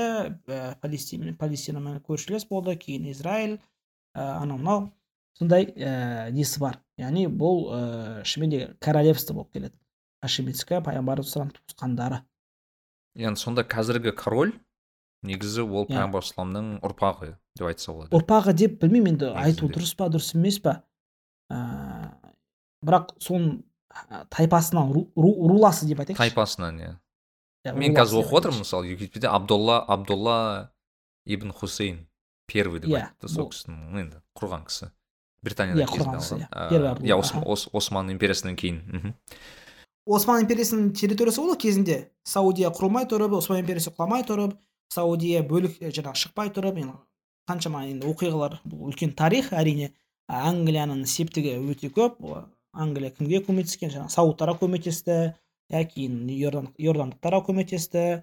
Мысалы ә, олардың ә, жаңағы қазіргі корольдің қайын жұрты негізі основательдің немесе соның баласының қайын жұрты сол англи- ан- англичандар ғой негізі. Соларға солардың қызын алған англияның қызын алған. Тоже бір лауазымды бір нелерін. Сондай нәрсесі бар. Балалардың барлығы қазіргі қазіргі корольдің балаларының барлығы почти англияда оқыған. Өзі де англияда оқыған. Қазіргі король ал бұл негізі өзі ыыы светский государство ма? Яғни ол ыыы зайырлы мемлекет Иә. па? Иә өздерін солай пози- Мгм. позиционировать етеді ә, светский демократиялық ә, ол жақта правительство қалай? Яғни бұл жерде не бар? Премьер министр сол бәрін басқарады. Король просто орындарын ауыстырып істейді. Англия Ан- англия сияқты ғой ұлыбритания сияқты. Аха сіз бағана бір не бар дедіңіз да андай ыыы культурный шок болды деп айттыңыз да. қандай культурный шок ол? Мен сол қызық та өйткені біз ііі қазір і айта береміз да яғни ол күшті мемлекет шығар андай мемлекет шығар бірақ іште болған адам кішкене басқашалай көреді. Иә бірінші ә, дін жағынан шығар. Ә, дін ұстануы. Иә яғни представление басқаша болды. Мысалы ойлайсың араб ә, араб елдерінде барлығы мысалы хиджабта ә, және хиджабтары дұрыс ә, ә, сосын ә, дінге деген берік халқы. Бірақ өкінішке орай олай болмады да. Мысалы хиджаб хиджаб киеді бірақ хиджабы хиджабтың нормасына сәйкес келмейді мысалға ше. Обтягивающий джинсы ә, көйлек деген сияқты. Немесе ә, хиджабын шешкен қыздар көп. Ә, мысалы королеваның өзі хиджабсыз. Мысалы қазір википедияны қарап отырсаңыз әйелін көрдіңіз ба орамалсыз жүреді мысалы. Ол тіпті бір журналдарда бір мисс сондай бір атағы бар. Королева мисс королева деген сияқты өздерінің арасында ата- ата- атақ беріледі ғой. Вот типа самая красивая женщина деген сияқты бір белгілі бір жылдар алған. Вот и тем более соны көрген ә, иордания халқының жаңағы қыздары ә, соған еліктеуге тырысады жаңағы не істейді. Ол сол жағынан иә. Яғни бостандық бар да оларда. Ә, басқа мысалы саудияға қарағанда кезіндегі саудияға қарағанда иорданияда былай айтқанда бостандық көбірек. Иә жас жастары намаз оқитындары бар бірақ ә, біздікіндей емес мысалы басқашалау деген сияқты. Со- к- мәдениетке келген кезде де мысалы мәдениет біз культура деп айтамыз ғой. Ә, кей кезде бір жабайы жабайы болып көрінеді.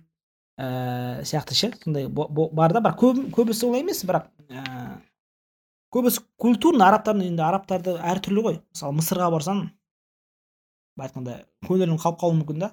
Мысырдың арабтарына өйткені олардың бір жабайылығы ше ал иордандық арабтарда ондай сәл жабайылықтың бір несі бар олар бір қызды көріп қалса көздерінің бүйтіп соңына дейін шығарып салатын сияқты ше осы сол нәрсе мені бұл қатты не бір көңілімді түсірді ә, енді реальность бол такова бұл анау не секілді ғой? Бізде кезде айтатын айтатын еді ғой кейде мысалы анау арабтарды бір нәрсе істеп жатса ей арабтар да істеп жатыр ғой мынау иә иә не иә. бізге айтып отырсың деген секілді.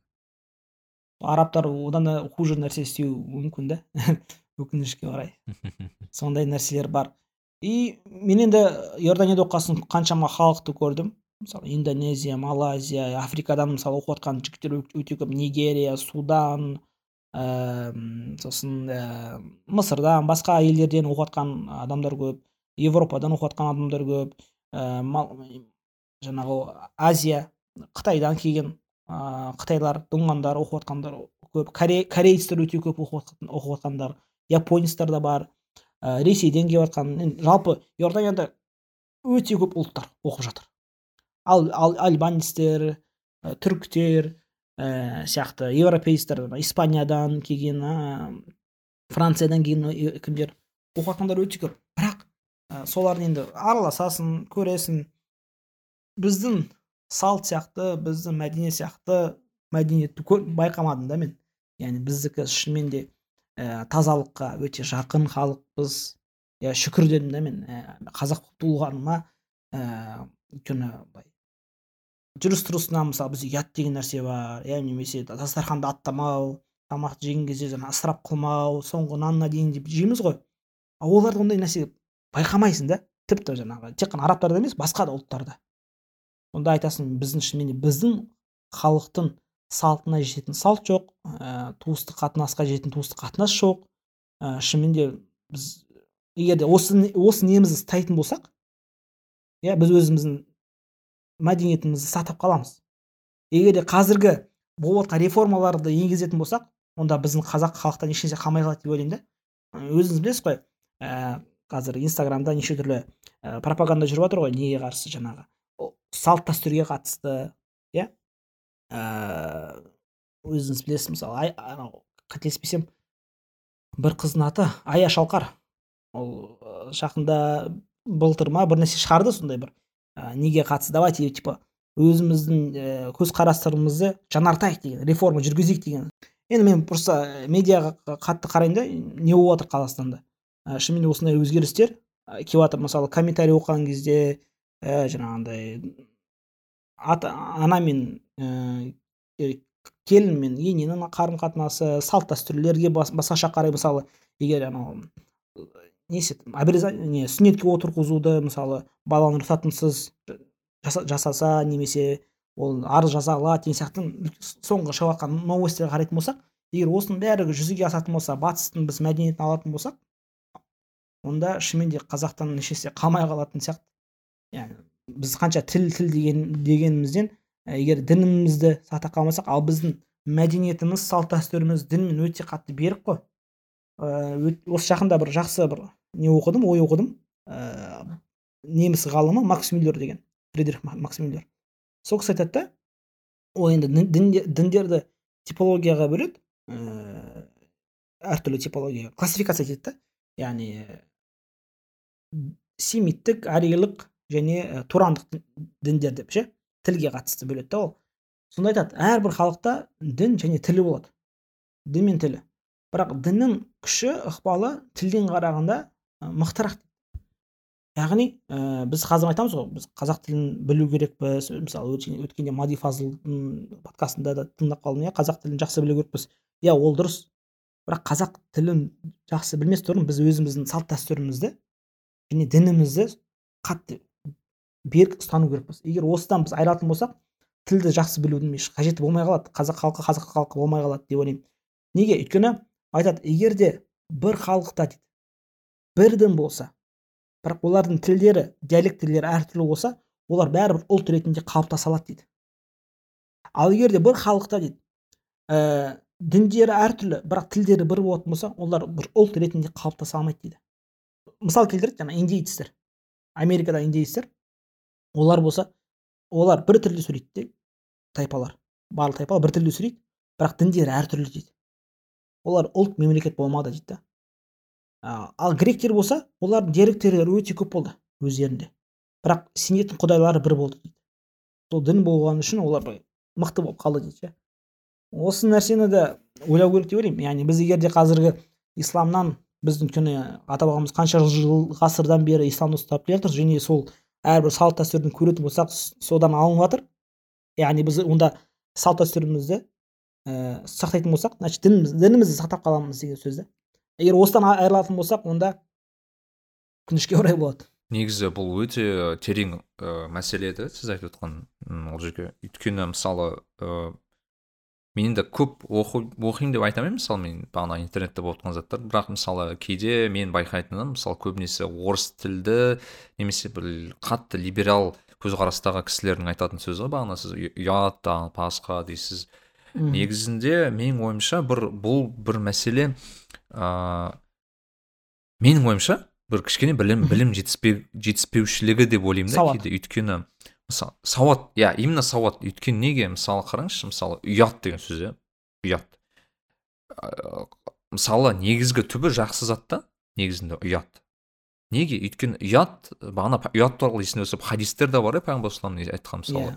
Иә ұят иманнан бізде ұят иманнан дейді мысалы. Жақсы сөз. Бірақ ә, бағанағы тілдегі несі мағынасы кетіп қалғанда яғни қараңызшы мысалы ұят ол қандай кезде ұят? Мысалы а, өтірік айту ұят мысалы Ұят. иә? Иә. біреудің затын ұрлау ұят. Мысалы да неге ұят деп айтады? Өйткені не? Өйткені одан кейін социум оны ә, не ә, ол ісін қабылдамау керек. Яғни сен айт Иә. жасаған ісің дұрыс емес. Осы ұят та негізі. Неге өйткені жаман заттар енді как бы адам ұрлау педофилия білмеймін осының дұрыс емес заттардың бәрі ол как бы Иә. қоғам жағынан қатты ну тоқтатылу керек иә. Өйткені халық өзі шешу Иә. керек оны. Бірақ енді қазіргі ұят ол кішкене өзгеше өзгеше ұят дейді да яғни ол жақында бір досыммен сөйлескен едім осы жерде айтады да мысалы біздің ұят андайға кетіп қалған дейді да мысалы ам, қымбат емес телефонмен жүру ұят дейді да мысалы. Мхм. Мысалы соңғы айфонмен жүрмеу ұят. Ә, мысалы кішкентай той жасау ұят. Ә, білмеймін. Ә, әдемі киімдеу ұят. иә вот Иә. как будто вот осы ұят дейді да осы ұят деген осы деп түсіндіреді дейді да яғни медреседе оқу ұят. яғни иә или мынандай мәселе дейді да яғни ұят бізді дұрыс емес затқа апарады дейді да кейде. Мысалы бағанағы ә, соңғы ә, бір айфон ұстамау ұят болса дейді да ол ұяттық бізді кредит алуға апарады дейді мысалы. Сондағы ә, кішкене енді ойлау жүйесі дейді да ұят бізді сондайға апарады негізінде керісінше ол ұстау керек еді. Наоборот кредит алу ұят деп түсіндіру керек қой негізінде. Иә. Мхм как бы телефонға кредит алу ұят как бы шынымен ұят та зачем оны Иә. кредит алу сен как бы оны арзанына аласың да жетеді негізі иә иә. не ну как бы ну телефондар примерно бір плюс минус бірдей ну как бы қатты прям айырмашылығы жоқ та негізі. Яғни бағанағы лишний понт бағанағы басқа үшін сен ұят затқа барасың деп айтады да. И ол бағанағы тәрбие бір екінші сауат та тупо сауат ойлаймын өйткені неге? Өйткені ыыы бағанағы ұятты ажырата алмайды деп ойлайсыз ба? Яғни ажырата алмайды иә ажырату керек та бұл жерде. Яғни мен айтқым келгені ііі критический мышление деген зат бар мысалы мен. Қазір қатты үйреткім келеді адамдарға. Яғни сен өзің ойыңды ісіңді саралай аласың да. Насколько мен как бы дұрыс іс жасап отырмын. Қанша сен оны білімді бол білімсіз бол. Без разницы негізі.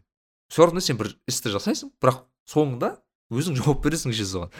Как бы Иә. қызық та сол жағынан иә әрине м- и ол как раз таки мен а, даже мұсылман анау неге имамдарға да үйрету керек секілді осыны дұрыс саралай біл деп. Дұрыс айтасыз негізі бізде шариғатта екі ұят бар да. Біреуі жақсы нәрседен ұялу біреуі жаман нәрседен ұялу. И осы нәрседен осыны ажыратпайды да адамдар жаман нәрседен ұялу ол құпталады. Похвально. Ал жақсы нәрседен ұялу не похвально? Керісінше яғни құпталмайды да яғни мысалы ә, намаз оқу біреулер ұялуы мүмкін да иә. Мысалы өзінің бір ііі көшеде енді қазір намаз оқуға болмайды ғой. Бірақ мысалы кезінде оқуға бол, ә, болған кезде мысалы ұялуы мүмкін. Немесе жаңағы ә, бір, жер- бір жиында отқан кезде намаз уақыты кірген кезде біреу айтуы мүмкін.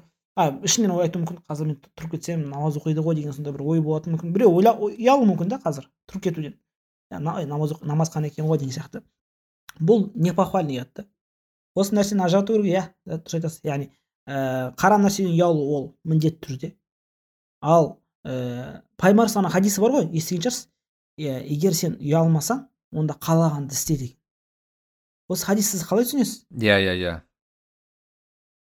Менің ойымша ол ә, мен былай түсінемін оны ә, егер Мгм. сенде ішкі стоп дейтін бір зат болмаса анау іштей бүйтіп ұстап тұратын мына мынау уже как бы ақ пен қараны ажырататын бүйтіп мынау уже дұрыс емес мынау уже анау шекарадан асып баратсың ау деген бір іштен тартатын бір зат болмаса уже білгенің істе яғни уже как бы сенде уже Иә. шын мәнін айтқанда Иә, білгеніңді істейсің да уже кезде уже мен бұл иә хадистен былай айтқанда буквальный смыслы солай түсінеміз да?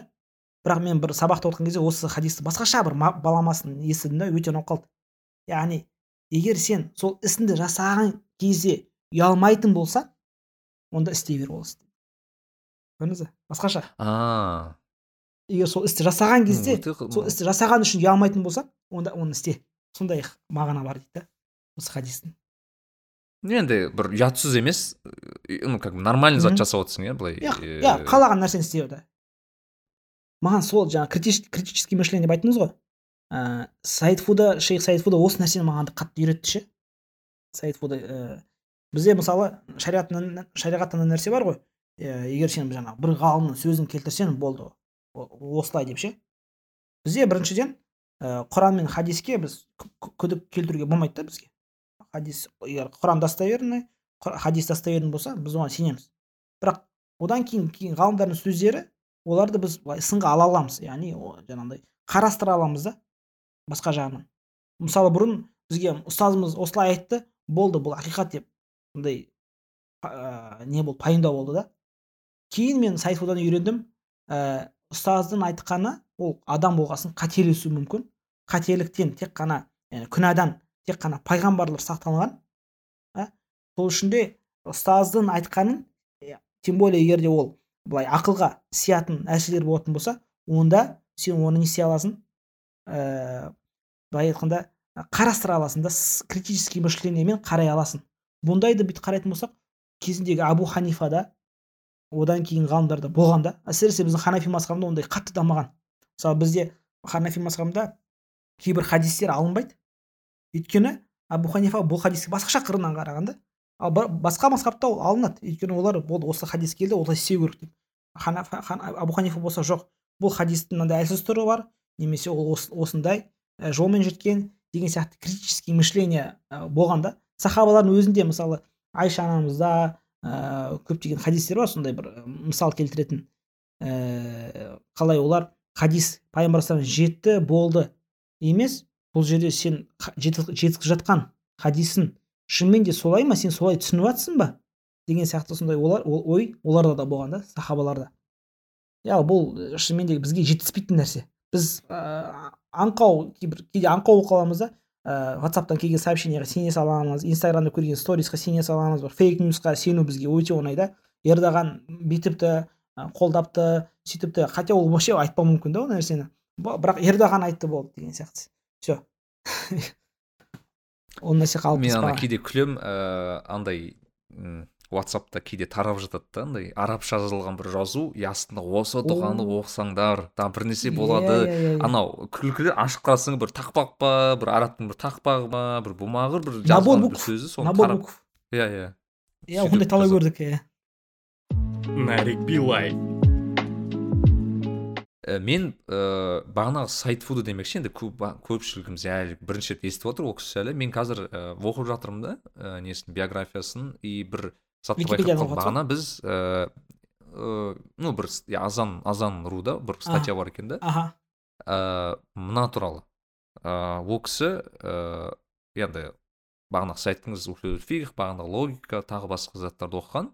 Ә, өзі палестинада туылған кісі екен тағы басқа көшіп Иә. келген.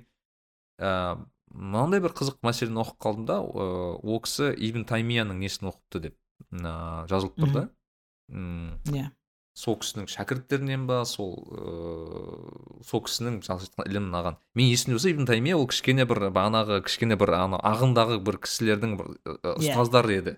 Сонда мен түсінгенім бұл кісі сол кісілерге қарсы шықты да вот өз, өзінің білім ну бағанағы жүрісінде. Осыны кішкене ашып ашып кетсем дегенім ғой. Яғни біздің өкінішке орай алматыда жүрсем де қазақстан қай өңіріне барсам да бағана ағымдағы жігіттер көп. Жігіттер қыздар иә. аз емес негізінде. Мен есімде мен өзім айтам мысалы ешқашан жасырмаймын. Мысалы мен екі мың қай ә, мен оныншы класста намаз оқи бастадым. Ол шамамен где то бір екі мың оныншы жылдар мхм сол кезде мысалы білмеймін бір интернет енді дамып жатқан кездер ме еді? Сол кезде мысалы бағана салафи ағымдардың нелері көп болатын да? Ә, информативный поле дейді ғой өте толып кеткен еді сол Иә. кісілердің. Уағыздары сайттары бүкіл жерде солар білмеймін интернет ол айтқанда интернет маркетологтар жақсы жұмыс істеді ма білмеймін. Ә, жақсы тарады жалпы олардың несі. Мен ә, олардың нелерін тыңдаған болатынмын да. Бірақ менікі бағана Мгм. критическое мышление қосылып оларды бүйтіп түсінбей мен кейін салыстырып өзім бүйтіп шығып кеткенім бар да. Бірақ көп жігіттер қалып қалды мен білемін. Ә, и менің соларды зерттеп жатып мынандай бір түсінікке келдім да кейін. Негізі ә, бұл ә, кез келген ағымға түсетін адам тек исламда ғана емес жалпы ағымға кіретін адам бұл бағанағы критический мышлениенің болмауынан деп кейде ойлаймын да. Өйткені неге? Өйткені мен мысалы көрген көбінесе бағанағы салафи баған бауырларымыздың ісі мынау еді да. Бір информация келеді прям вот шайналған күйінде вот сен түсінің түсінбедің соған сенуің керексің деген сондай бір немен жүрді да көбінесе. Мен барып неге сен былай істейсің десем мына шейх былай айтты мына ұстаз былай айтты деп айтады да. Соны айтамын бұл неге олай десем ой кітапта осылай жазылған айтсын мен сен ол кітапты өзің ашып оқыдың ба деймін да мысалы. Иә иә. Ол қандай кітап ол? Бар кітап па ол вообще? Мүмкін мүмкін ол кітап жоқ та шығар мысалы сен қайдан білесің мысалы да? Мүмкін ол Иә. дұрыс аударылмаған кітап шығар. Құдай біледі сен как бы неңе сеніп жатқаныңды өзің білмейсің деп түсіндіріп айтсам ол кісілер бүйтіп маған қарсы шығып е сен не деп жатрсың бағанағы сіз Мгм. андай еще көбінесе андай бір діни сөздерді көп қосады да яғни астағфиралла бұл не деп кетті? тағы басқа андай ты философствуешь? Иә иә сондай бір неге кіреді бірақ шынына келген кезде адам негізі бұл тек дінге ғана емес емес кез келген адам бір затқа сенсе және сен сен оған сол сеніміне күмән келтіретін зат айтса и ана адам бүйтіп жарылып кетсе мысалы ой сен не деп жатрсың анау мынау десең скорее всего ол адам ол дұрыс сенбейді ол затқа. Мен өзім жеке көзқарасым сондай. Неге өйткені мүмкін адам олай жауап бермейді көбінесе неге? Өйткені ол іштей біледі оның фаундейшн дейді бағанағы фундаменті өте нық. Иә. И неге екенін біледі қалай екенін біледі и жауапты да біледі да. И ол кезде адам мысалы сізге мысалы сіздің сеніміңізге қарсы келетін зат айтсам мысалы сізге сіз оны бүйтіп қатты бүйтіп не істемейсіз эмоционалды бір қоспайсыз дұрыс қой. Сіз ну Иә. ладно дейсіз окей дейсіз. Ну как бы солай қабылданады ғой адам. И мен де соны ойлайтынмын да кейде блин осыны бір қалай үйретуге болатынын білмеймін бірақ адамдарға осыны как то жеткізу керек все таки мешіттерде де мүмкін. Айту керек осы туралы маған тағы бір таңғалғаным ә, мен саид фудан шейх саид мәжілістерінде біраз болдым андай закрытый мәжілістерінде ә, барып отырдық. Сонда неше түрлі шәкірттерін көрдік та енді жаңағы біреуі айттым ғой физик біреуі анау естествознанияны мықты, мықты, меңгерген біреуі кезінде марксист болған тіпті. Марксист болды да кейін саид фудамен кейін саид фуда его переубедил ол жаңағы исламға келген кісі. И ол қазір ә, мықты ұстаздардың бірі да. Әлемде. Сол қасындағы переубедить еткен ә, дос. Сосын жаңағы саид фудан бір байқағаным оның шәкірттері де болды. Шейх саид фуда былай айтты. Осылай дұрыс деп ондай айтпаған ше. Мен өзім көзімше көрдім қалай олар әдеппенен ә, ұстаздың жаңағындай айтқан мәселелеріне жоқ ұстаз негізі бұл жерде былай бұл жерде былай. Саид фуда өзі айтады мынау менің шәкіртім бұл шәкірт мен жақсы көремін бірақ бұл менің пікіріммен келісе бермейді мен сол үшін оны жақсы көремін дейді өйткені яғни бәрі логикаға айналасында ғой. Андай құран мен сүннет емес жаңағыдай рациональный келген кезде. Ол шәкірт физик. Мықты шәкірт қазіргі кезде оның ә, атеистермен мықты физиктермен уже сәләфиттер айтпағанда там шииттермен ә, агностиктермен диспуттары көп та араб араб тілінде.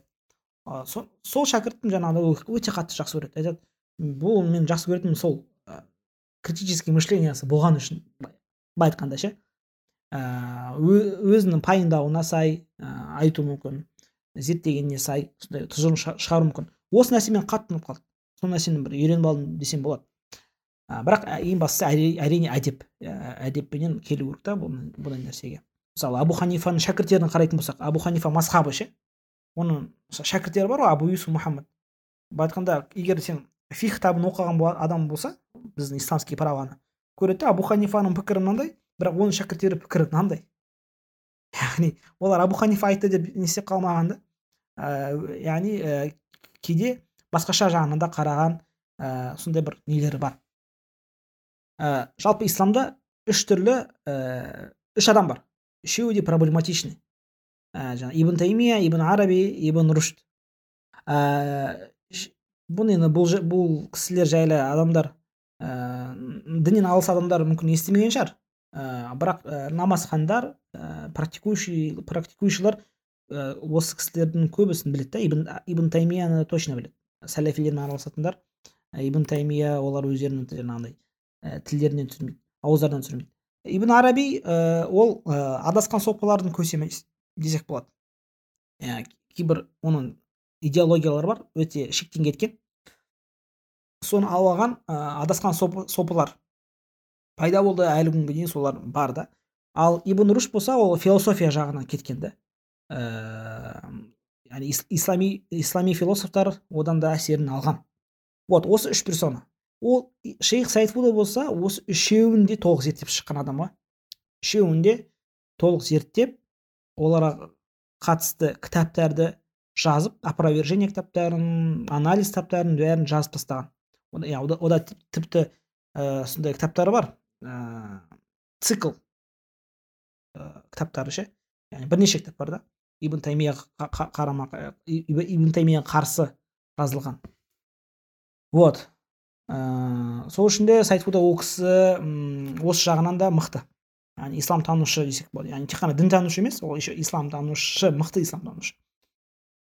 Бұл өте ә, бір қызық мен бұл үш кісінің де естігенім бар осы ә, қызық ә, рушд туралы да философия туралы естіген кезде бағанағы ибн араби туралы да бір нелерді арасында оқып қаласың. И мен андай болатын даже кейде айтатын да ә, бір текстті оқып жатсаң ну кейде сұрақ қояды ғой мысалы мен бір кісі там бір нәрсе хадис жібереді немесе бір ссылкалар жібереді дейді да. Мен қайдан білемін ол ә, ну сенімді сенімсіз ақпарат екеніне деген кезде мен айтатын ол ыыы ссылкаларын қара дейтін да көбінесе. Егер ибн таймия иә. бағанағы бағанағы үш кісінің атын кездестірсең немесе тағы тағы осындай осындай кісілердің атын кездестірсең ибн қоюм ба еді? Сол кісі бар еді тағы. Иә ибн қайым ол шәкірті.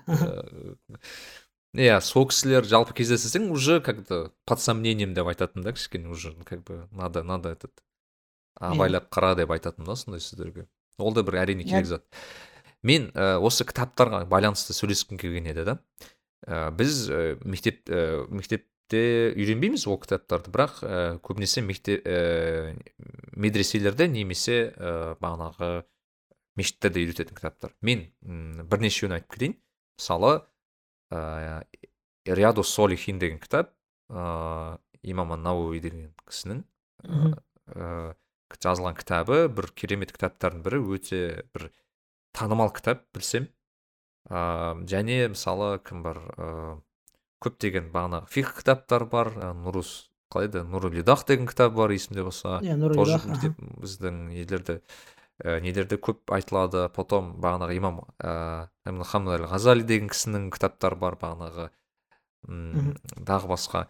Жалпы сіздің ойыңызша ә, дінді зерттегісі келетін жалпы осы ә, бір білімін нығайтқысы келетін адамға қандай кітаптар оқыған дұрыс деп айтасыз өзіңіз жағыңыздан? Яғни бұл мәселе бұл ә, қатты білім жолына кеткен емес бірақ жалпы өзінің ә, иманын дейік білімін дейік арттырғысы келеді.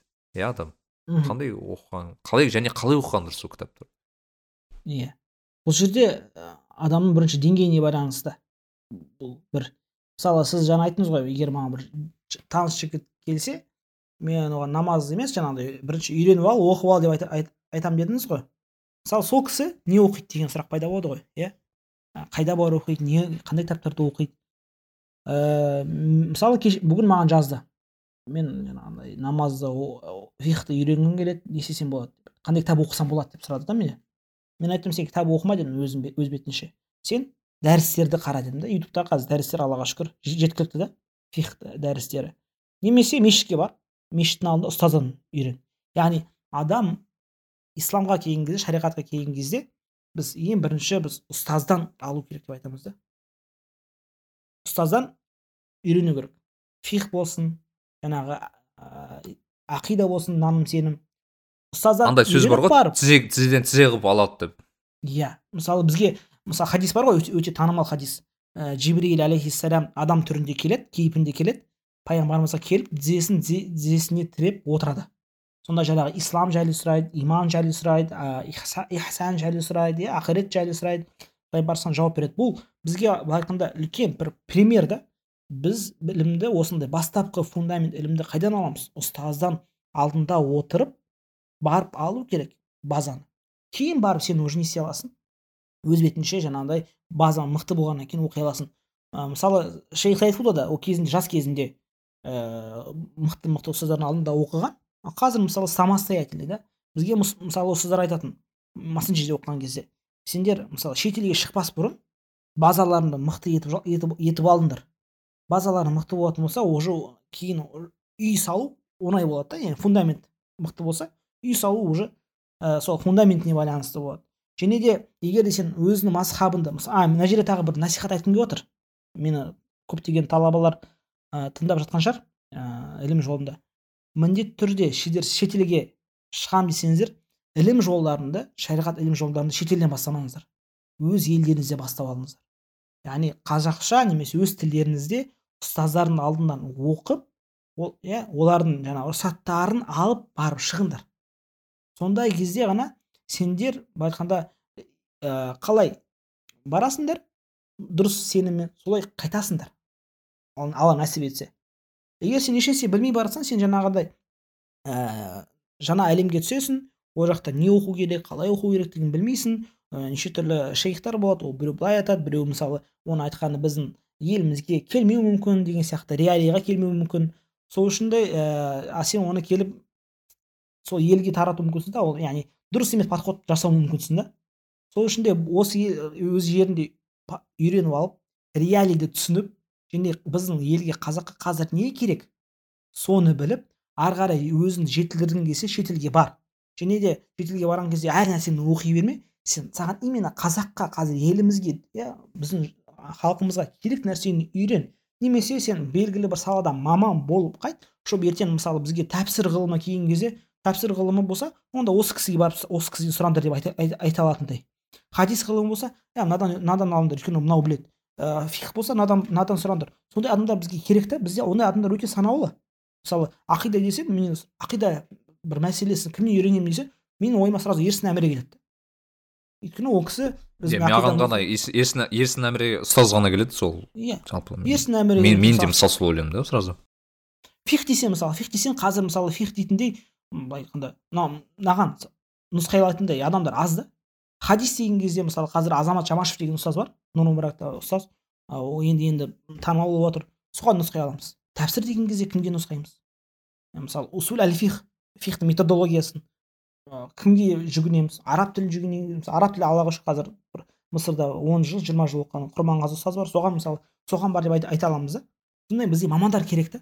Яғни бізге біріншіден универсалды мамандар керек. Ол ол ол міндетті түрде. Бәрін білетін өйткені бізде халық ойлайды. Сен медресе оқыдың университетте оқыдың сен уже бәрін білесің.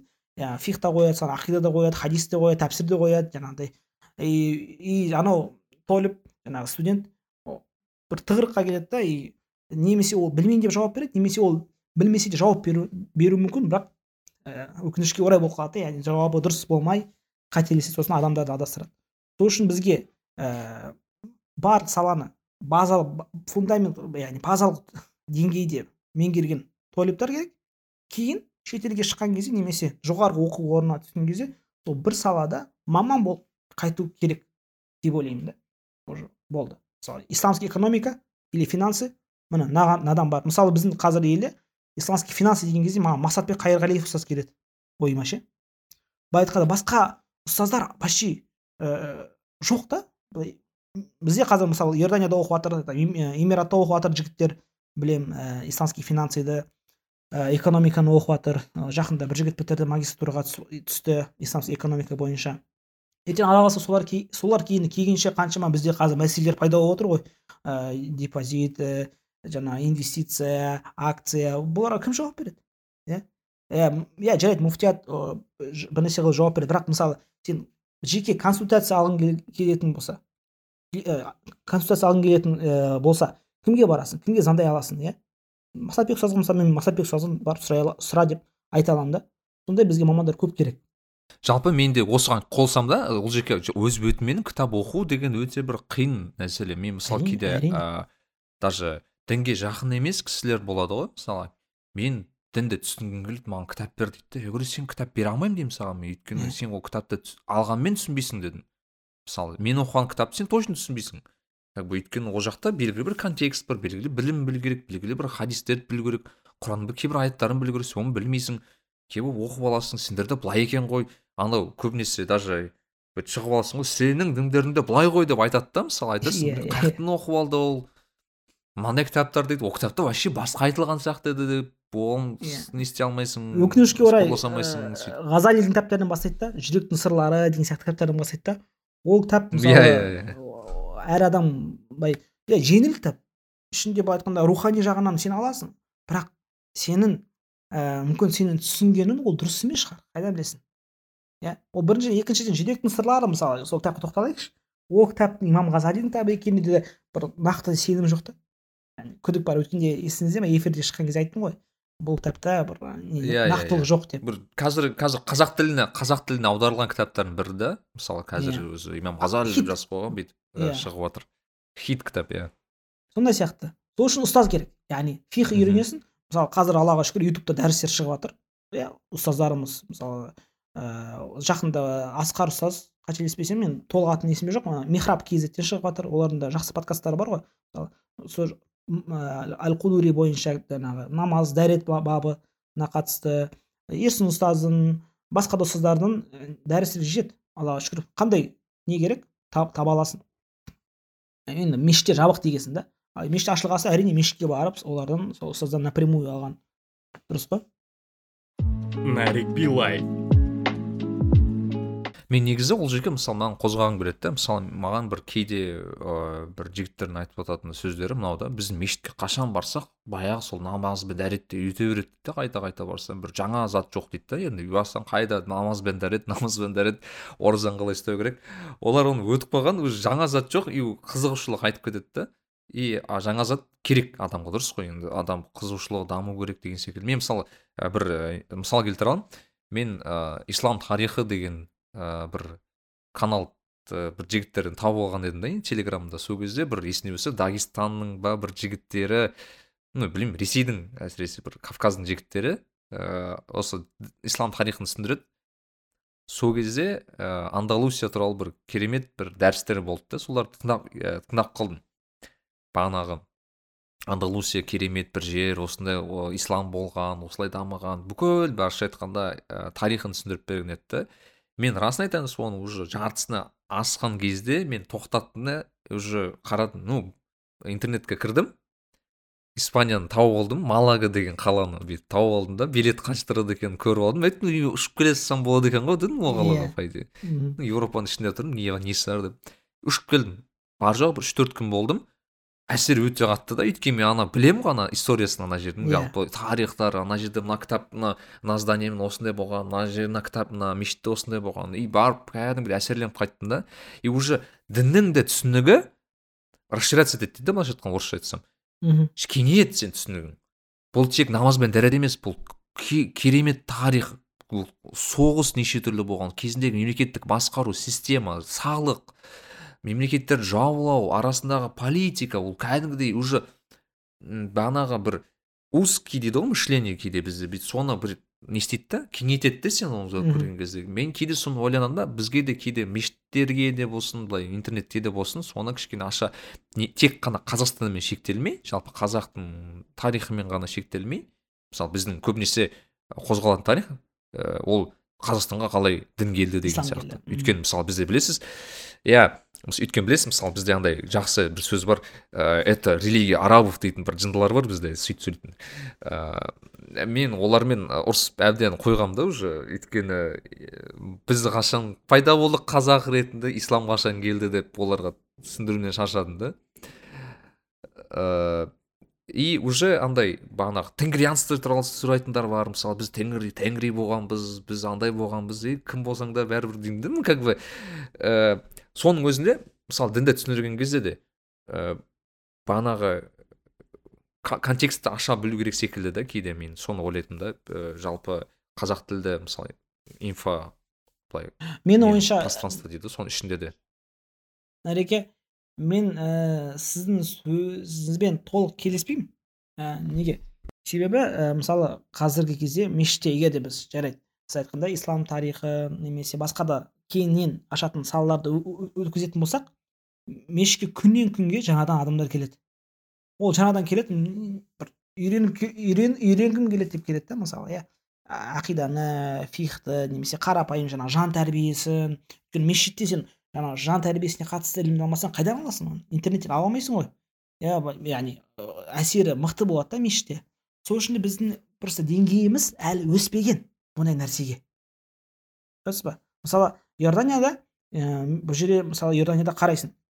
Кейбір мешіттерде сол жаңағы намаз хадис рияду солихин сияқты өтеді да бірақ кейбір мешіттерде мықты нәрселер өтеді. Бұл жерде уже жамағатқа да байланысты. Яғни біздің халықтың намазхандардың деңгейі әлі ондай уровеньге жетпеген соң ондай нәрселерді біз мешітте бере алмаймыз. Бұндай нәрсеге сен үйренгің келсе бар. Меде- нұр мұбаракқа бар. Медресеге бар ұстаздың алдына бар содан сонымен сөйлес күніге ке- кездесу оған былай немесе ақшасын бер да одан үйрен. Ал аллаға шүкір мысалы мен мынау полкамды көріп тұрсыз ғой мына жерде қазақша кітаптар ислам тарихы бар басқа да сала неше түрлі салалар қазір шығып жатыр. Алла қаласа бұл яғни біз енді енді көтеріп жатырмыз да көзімізді енді ашып жатырмыз яғни. Ә, намазды нама ә, кәлима шахаданы халқымыз дұрыс білмеген кезде бұндай мәселелерді әлі мешітте қозғау мінбердің үстінде айту ерте деп ойлаймын. Бірақ алла қаласа біз бұндайға жетеміз. Мен ол арманым да ә, мысалы мешітте отырып ә, жаңағыдай ә, мықты тәпсірді ашып тіл лингвистика жағынан талдап бұл мүмкін келеміз ондай нәрсеге иә? Ал егер де біз жұмыс жасасақ ал әзірше бұндай нәрсені өткізу мешіттерде мешітке адам келес- келсе ол құдайды іздеп келеді иә? Ә, жаңағындай өз раббысына құлшылықты қалай үйренемін деп келеді да біз соны сол кезде бүйтіп тартып алмасақ ол кетіп қалуы мүмкін. Мешітте не деп жатыр қайдағы андалусия ол не андалусия деген сияқты сондай сұрақтар пайда болуы мүмкін да вот. Немесе аллаға шүкір қазір медиа пространство бізде жақсы. Енді енді жұмыс жасап жатыр да мына михраб kz азан kz деген сияқты ше. Соларды дамыту керек та бізге. Сондай сол, сол жерде дәрістерді ә, не істеу керек. Мен мысалы ә, жақында ютубта қарадым қандай дәрістеріміз бар қазақ тілінде.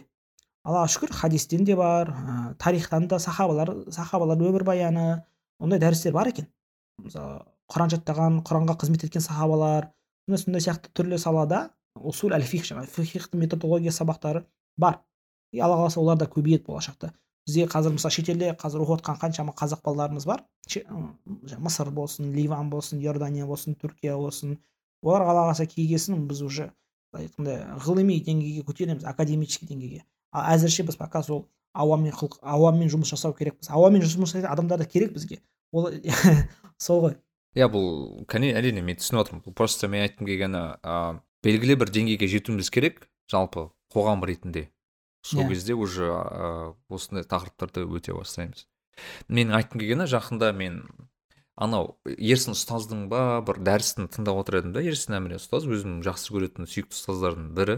Мхм. Ә, бір қызық статистиканы айтып берген еді да маған. Ана мешітте жұмыс істеп жүрген кезде айтады негізі мешітке келетін садақа дейді да ана жәшіктерге түсетін садақаның 80-90 пайызы дейді ол жаңадан келген Иә. ә, адамдардың садақасы дейді да көбінесе. Яғни ана түсетін садақаның ары кетсе 10-20 проценті ол постоянно келетін яғни тұрақты түрде келетін адамдардың садақасы. Қалған 80 пайызы ол бағанағы мешітке бір рет болсын құран оқып кетейінші атама Иә, бата иә. жасап кетейінші тағы тағы сондай кісілердің тастап кететін дейді да. Мен ана статистика шынымен таңғалдырды мен мен ойламаппын солай деп. Ііі, ол шын ғой, мысалы, мешітке барамыз. расталған статистика. жәшікті көреміз садақа берген несін мысалы өз басымда есімде жоқ сол именно садақаға бүйтіп ақша салғанымды ше. Жаңа жәшікке салған иә ол рас. Бұл да бір қызық не деген ғой яғни ку- значит бізде до сих пор адам көп деген ғой сонда жәшікке салатын жаңадан келген адамдар соны айтып келген ғой. О иә иә. Көрдіңіз ба сол үшін де біз әлі ерте деп ойлаймын да. Бұндай деңгейге өту. Нарик Билай. Ол жеке менде мысалы бір сізбен енді талқылағым келіп жатыр бізде қазір қызық бір ә, тенденция бар да. Мысалы м, интернетті ашып қалсақ кейде ә, спор болып жатады да. Бізде мынау халал мынау харам мынау мынау там андай мынау мындай деп ше. И ә, мысалы көбінесе тамаққа байланысты да бізде көбінесе ол сұрақтар. Мысалы мынауның составы осындай құдайға шүкір қазір ол дамып жатыр халал заттар өте көп. Иә. қазір менің ойымша бұрынға қарағанда әсіресе. Тіпті брендтер шығып жатыр халал там бірнәрсе халал анау мынау деп халал слайс шығып жатыр да. Халал слайс халал байт мен мысалы Иә. назим деген досым ә, ә, айтқым келген мынау да ә, бізде кейде бірақ айтасың да мысалы менде қалай ә, мен ә, Мгм. еуропада тұрамын ә, и мысалы мен түріктерді көремін түріктерді. Ә, менің көзқарасымда мысалы түріктер көбінесе енді көбінесе почти тоқсан тоғызда тоғыз проценті мұсылмандар всегда да и өздерінің былайша айтқанда ә, қоғамның ішінде комьюнитидің ішінде жүреді. И ә, мысалы ә, етті жесе түріктер түріктерден алады ет, етті. И көп ну пон- понятное дело халал халал ет болады. Ну понятно олар там басқасын жемейді да өйткені. А, и менде уже көзқарас пайда болады значит өзімде да яғни мен түрікке барсам түрік маған ешқашан харам зат бермейді Иә. негізі көбінесе. Енді менде отношение болады өйткені мен түрік изначально мұсылман маған. Яғни мұсылман адам маған бір нәрсе берсе значит ол бір жаман зат Иә. беріп тұрған жоқ маған. Ну өзі жейтін зат болса жейтін болса бірақ почему то қазақтың арасында ондай жоқ та. Сын айтқым келген ғой мен. Яғни кейде болады да мысалы айтасың бір кісі айтады да мысалы даже тіпті қонаққа шақырып жатады мынау сұрайды да мынау халал харам я говорю сұрама? деймін да оны ол как бы адам беріп тұрса ол қонақтан сұра алмайды ол зат адамнан сұрауға әдепсіздік деп кішкене түсіндіргім келеді да. Ол да біртүрлі да негізінде. Бірақ и былай зерттеп қарасам түп негізгі негізі почему то бір топ адамдардың ішінде ә, айтады да қазақтар бар ә, олар өздерін кейбіреулер мұсылман болып санамайды дейді да өздерін. Ә, вот сондай адамдар бар и соларды ә, солардан қорқамыз деп айтып түсіндіреді да яғни сол үшін Иә. сұраймыз деген секілді. Немесе мысалы ә, мұсылман деп сөзде ғана айту мүмкін істері вообще басқа қарама қайшы келетін істер жасауы мүмкін. И содан ә, қарамай қарсы келетін істер істеуі мүмкін и уже бағанағыдай уже сомнение пайда Иә. болады шәк дейді ғой яғни мынау кісі қалай жалпы деген сияқты сөзде мысалы мұсылман. И а менде білмеймін менде почему то андай болады? Мен ә, более ә, сеніммен қарайтын да адамға всегда білмеймін үйреніп қалдым ба соған? Мысалы адам егер сөзбен мұсылман болса ол всегда мұсылман. Как бы маған десең енді мен қазбаламаймын да оның. Қандай мұсылман ол? Істейтін істемейтін мұсылман. Өйткені мысалы маған ә, тіпті намаз оқисың ба деген сөздің өзі намысқа тиеді. маған кішкене дұрыс емес сұрақ та. Өйткені ә, ол не то что намысқа тиеді ол кішкене жеке, жеке шекараны сұрайды бұзатын зат секілді көрінеді да маған. Өйткені ну зачем ол адамға білу мен намаз оқи ма оқымай ма? Оның как бы ну, как бы қандай айырмашылық бар да ол жерде? Как будто мен мысалы намаз оқитын адам болса менің маған деген қарым қатынас өзгеретін секілді да. Оқымаса басқа отношение болады. Ну ондай болмау керек секілді да маған енді в принципе. Бірақ бағанағы мәселе бар. Сіздің ойыңызша да мысалы мен енді именно сіздің дін ә, не жағынан айтып тұрмын да. Кез келген қазақты ағылшынша айтқанда по дефолту мұсылман болып санауға болады ғой. Негізінде. Өйткені большинство ағылшынша айтқанда majority бізде мұсылмандар көбінесе. Вот ә, соответственно біз мұсылманнан всегда мұсылман зат ну, нормальный зат күтеміз да. Мысалы халал зат күтеміз деген секілді. Солай ма жалпы? Или Ә, олай емес иә бұл да бұл мәселе өте актуалды. Ә, біріншіден барлық қазақты біз ә, барлық қазақтың етін ешбір күмәнсіз жей аламыз ба деген мәселе ғой бұл. Мысалы ә, әрине жағдай өзгерді. Бес алты жыл болған жағдай халал харам деген нәрсе қатты талқыланбайтын. Иә ол тек намазхандардың ішінде и то кейбір намазханалар ішінде олар соған сондай нәрсеге щепетильный болды да. Ал қазіргі кезде аллаға шүкір медиада да медиа пространствода және сосын өзіміздің ә, зерттеу орталықтары шығып жатыр иә халал даму сияқты. Бұндай нәрсе бар. Яғни адамдар уже ажыратып жатыр мынандай нәрсе харам мынандай нәрсе халал иә мысалы кезінде біз ә, клубника клубникасы бар дә- дәмімен қызыл түсті нәрсе жей беретінбіз ғой. Қазір уже хал адам біледі. Қызыл нәрсе болса оның ішінде кармин деген нәрсе бар. Ал кармин ол жәндік. Жәндік жеуді харам. Көрдіңіз ба яғни бұндай нәрсеге өзгердік. Енді қазақтың барлық етін бұл жерде мысалы ет қой ең маңызды нәрсе. Өйткені жаңағындай өйткені қонаққа барасың алдына бешті қояды ет қояды. Сол етті кейде жей алмай қаласың. Мысалы колбаса болса жарайды колбаса мысалы жемесе ешкім ренжімейді да. Мысалы печенье нелерді жемесе ешкім ренжімейді. Бірақ етті жемесе ренжуі мүмкін да сенің туысқандарың шақырған адамың бұл жерде иә өте қиын. Бірінші мен, мен үшін ол бір сәл ә, тонкий мәселе сияқты. Өйткені ә, барлық қазақ ә, мұсылман бірақ қандай мұсылман? Аты мұсылман да өкінішке орай. Этнический мұсылман да этнический мұсылман деп айтамыз. Яғни ата әке шешесі мұсылман болғасын ата бабасы мұсылман мұсылман болғасын. Олар ыыы аллаға сенеміз деп айтады өзімізді мұсылман айтып мұсылманбыз деп айтады. Мысалы сен неге мұсылмансың деп айтатын болса намаз оқымайтын вообще діннен алыс мешіттен алыс жүретін адам.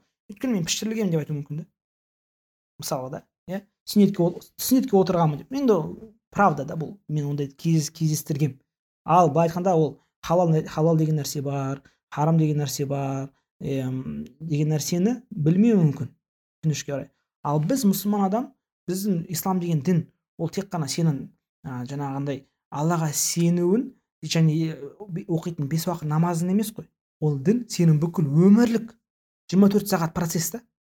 Яғни сен ұйықтайсың исламға сәйкес ұйықтайсың да мысалы ә, ішпен жатпауға тырысасың оң жаққа қарап құбылаға қарап жатуға тырысасың деген сияқты нәрсе ғой. Бисмилля деп айтады дұғасын оқып ұйқыдан тұрғасын аллаға шүкір ояндым деп айтасың ыыы үйден шыққан кезде дұғаны оқисың. Бізде яғни біздің өміріміз ислам болып кеткен да. Негізі солай болу керек та. Яғни тек қана ол бес уақыт намаз жай намаз үстінде емес біздің дініміз. Сол үшін де тем более асханаға келген кезде тамаққа келген кезде біз мұсылман болғандықтан өзі соответствовать ету керек та мысалы өйткені ыыы жаңағы яхудилер олар да мысалы оған қатты щепетильно қарайды. Немесе индустар олар да щепетильно қарайды. Мысалы сиырдың еті болса олар жемейді ғой. Өйткені олар өздерінің дінін берік санайды. Біз де қазақпыз. Бізге де мысалы алла тағала белгілі бір заңдарды бекітіп қойды. Шошқа етін жеуге болмайды. Немесе бисмиллясыз сойылған етті жеуге болмайды деп. Иә? Ал біз мындай қағиданы ұстанамыз. Әрбір нәрсе асылында халал еттен басқа. Ет халал болу үшін ол бисмиллямен сойылу керек дейміз да. Ал ауыл ауыл жақтағы баратын мысалы ауыл жақтарда ә, біз білеміз кейбіреулер менде азық жоқ сенде жазық жоқ деп соя салуы мүмкін. Ал бұл исламның шартына сәйкес келмейді да. Ал мұсылман адам алладан қорқасын ол халал қашан халал мысалы халалды халал деп есептеген кезде харамды харам деп есептеген кезде ол сол кезде былай айтқанда соның сауабын да алады да. Мысалы біреу бір адам ә, арақты ішпеуі мүмкін. Неге ішпеуі мүмкін? Өйткені оның денсаулығына зиян. Оған доктор айтты ішуге болмайды деп. Бірақ ол ол арақты харам деп санамайды. Ол яғни арақты жақсы көреді. Иә біз сол арақты тастады деп оған мақтай аламыз ба? Мақтай алмаймыз. Біз қандай адамды мақтай аламыз? Ол арақтың оның денсаулығына зиян ә, тигізетіні үшін емес оған алла тағала тыйым салған үшін тыйылғаны үшін ол сол үшін біз оны мақтай аламыз да. Сен міне сен тақуа мұсылмансың сен нағыз мұсылмансың деп ше. Иә біз жерде тағы мына нәрсе бар діндарлық деген тема ғой. Бұл жерде діндар деген адам кімдер? Ә, мысалы қай адамды біз діндар деп санаймыз? Яғни тек қана жаңағы алланы танитын мешітке жұмасына немесе түс көрген кезде бір баратын адамды діндар деп айта аламыз ба? Әлде ә, әр уақытта жаңағыдай жиырма төрт сағат бойы бес уақыт намаз оқиды жиырма төрт сағат бойы өзінің ислами ә, жаңағыдай өмір өмірді исламмен байланыстыратын адамды діндар деп айтамыз ба осы мәселе де бар да. Көрдіңіз ба сол үшін бір нақты жауап айту қиын. Иә мысалы менің мүмкін көзқарасым біреуге радикально көрінуі мүмкін да. Яғни мысалы барып жеме деп айтуы мүмкін да. Ал біреуге қатты көрінуі мүмкін. Мысалы сізге мысалы мен сұраймын иә кезінде ә, мен уже білемін да кімде нормальный кімде ненормальный мысалы ет. Иә уже туысқандарымызда үйретіп қойдық. Мысалы базардан базардан алуға не стоит мына жерден алыңдар. Осы айтып қоямыз осы кісіден алыңдаршы болды. Осы кісіден алсаңдар біз сендердің еттеріңді спокойно жейміз. Колбасаны алсаңдар осы колбасаны жасыл эмблемасы бар алыңдар. Көк эмблемасы емес деп ше. Солай үйретіп қойдық та. Сол үшін бұндай бұл нәрсемен әлі көп жұмыс жасау керек. Көп жұмыс жасау керек. Халықпенен түсіндіру керек. Чтобы сенің егер өзінің дінің қорқатын болсаң. Өйткені пайғамбар мына хадисі бар. Адам дейді. Сондай бір адам бар. Үсті басы алба жұлба өзі сапарда жүр. Ә, ну сырты қара- қарайтын болсаң аскет дейді да ол. Дүниені тәрк еткен ә, қолын көтереді. Раббым раббым деп дұға етеді. Бірақ алла тағала оның дұғасын қабыл етпейді дейді. Сонда пайғамбар оның себебін айтады да неге дейді? Былай қарасаң ол сапарда дұға қабыл етіледі. Бірақ оның дұғасы қабыл етілмейді. Ол дүниені тастаған адам. Иә яғни дүниеге ешбір махаббаты жоқ. Ол қолын көтеріп алладан сұрап жатыр раббым деп жалбарынып жатыр былай қарасаң дұға қабыл ету үшін бүкіл амалды жасады. Бірақ пайғамбар айтады ол неге оның дұғасы қабыл етпейді? Өйткені ма- матамуху харам машрабуху харам мәлбасуху харам дейді. Яғни оның жеген тамағы харам ішкен тамақ ішкен суы харам киген киімі харам дейді. Қайдан оның дұғасы қабыл етіледі? Көрдіңіз біз мұсылман адам өзіміздің жаңағыдай алламен байланысымызды үзіп алуға қорқамыз да. Сондықтан да біз бұндай нәрседе щепетильный болсақ міне бұл жерде тақуалық деген осы жерде пайда пайда бас, пайда бола бастайды деп ойлаймын да. Бұл керемет сөз негізі хадисте не өйткені мысалы мен кейде ойланамын да мысалы мен достарым арасында ну достарым емес енді достарым көбінесе біледі. Бірақ мысалы кейбір таныстардың арасында оқыған кезде мысалы европада әсіресе ну халал деп сұрайсың да өйткені ну здесь прям сұрауың керексің өйткені. Бұл европа қазақстанда сен қой білесің ғой примерно мыналар нормально болды деген секілді. Бірақ осында келген кезде менде андай болатын ыыы сұрайсың сұрайсың и кейде сұрайды ну зачем деген секілді бізде де Просто бізде біле бермейді ғой. сол үшін сұраймыз ғой қой деген сияқты айтатын да. білсе сұрамайтын еді ғой. Мысалы иорданияда мен сұраған жоқпын ешқашан. Иорданияда ұят қой сұраған халал ма деп. Ал мысалы Қаз- қазақстанда ә, сен өкінішке орай сұрауға мәжбүр боласың. Әрине сен сұрағың келмейді біреудің көңіліне тигіңіз келмейді. Бірақ басында жаңа айтады ғой біз айттық қой ең басында ұялу деген нәрсе бар иә? Жақсыдан ұялу жаманнан ұялу бұл жерде бір адам сен көңіліне тигізсең де бірақ сен өзіңнің дініңді сақтап жатсың екіншіден анау адамға ойына да салып жатсың да е халал деген нәрсе бар екен ғой иә? Ол уже біле, біле бастайды да. А, еттің халалы болады харам болады не то что ет деген халал ет ол тек қана қойдың сиырдың жылқының еті халал шошқаның еті харам. Жоқ. Халал ететін нәрсе бар да яғни алламен ат жаңа алланың атын атап малды сою. Көрдіңіз ба бұны біле бермейді. Бағана айтқым келген мынау ғой мысалы мен кейде достарым достар емес енді осы бағанағы кісілерге түсіндіретін былай түсіндіремін да кейде. Мысалы неге ә, мысалы халал ә, адал деп түсіндіремін халал деген сөзді ұнатпаймын мен кішкене адал зат неге Иә. жеу керек деймін мысалы. Өйткені адал дей, адал зат жесең ну как бы во первых сен адал зат жегенің үшін де сауап аласың. Өйткені сенде адал зат емес жеуге Иә, вариант бар еді бірақ сен Мгм. адал таңдадың дедім да. Ол бір тыйылдың иә. Ол бір екі ә, бағанағы хадисті сіз келтірген. Ә, бағанағы ол а кісінің жай, жағдай жайлы яғни сен харам зат жесең дұған қабыл етпейді. ә, дұған қабыл емес деп айтамын. Дұған қабыл емес былайша айтқанда деп түсіндіремін да. И ол кісі айтады ну типа и че дұғаң қабыл емес десе ол не болды я говорю егер сен дұғаң қабылмайтын мұсылман болмас- болсаң деймін да Иә. құдай сақтасын. Сенен бір ешбір пайдасыз мұсылмансың деп айтамын да енді. Бір Иә. жүрсің әйтеуір барсың әйтеуір бірақ бір ешбір пайдаң жоқ адамсың деп айтамын да. Бұл ну, одан Алламен байланыс да үзілді, болды. как бы сен құлшылық етесің. Иә вот бағанағы сен ана вай файда Иә. ұстамай қалған телефон секілді сен де сондай адам боласың деймін да как бы. Ешқандай ба- байланысың жоқ өзіңменен жүресің. А бар жоғы просто сұрай салу Иә. как бы не тұрады деген секілді. Осылай түсіндіремін ол кісілер а деп Мгм. деп кететін. Сондықтан бір бір құндылық мәселесі құндылықты түсінген кезде адам сұрайды да негізі ол жерге мен түсінген құндылықты түсіне білу керек. Иә иншалла біз соған келеміз. Иә иншалла. Біз аллаға шүкір мысалы мен салыстырып отырмын да кезінде бес алты жыл бұрын болған жағдай өзгеріп жатыр аллаға шүкір. Иә бізде академиялар ашылып жатыр онлайн академия болсын нур мубарактың дамып жатыр да кезіндегі нур мубарак қазіргі нур мубаракты салыстыра алмайсың. Нур мубарак қазір уже өзгерді. Иә уже ғылыми жағынан мықты ә, мықты толиктар мықты шәкірттер шығып жатыр ә, жаңағыдай сондықтан да алла қаласа біраз өзгерістер болады егер де бізге мемлекетіміз қолдау көрсетсе да енді қатты бір тосқауыл жасамаса. Меніңше мысалы ол жерге бір екі мынандай бағанағы подкаст жазардың басында айтып едім бір екі бір нелер бар ыыы айтсам екен? Ыыы аңыздар бар. Мысалы осы әсіресе мешіттерге байланысты қазақстандағы.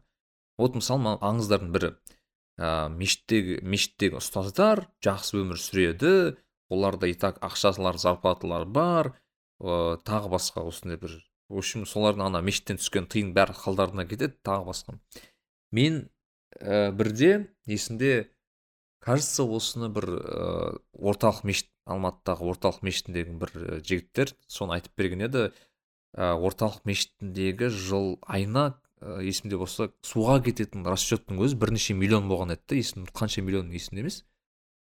Өте үлкен бір сумманы айтты мен таңқалып қалдым. Тек суға ғана дейді.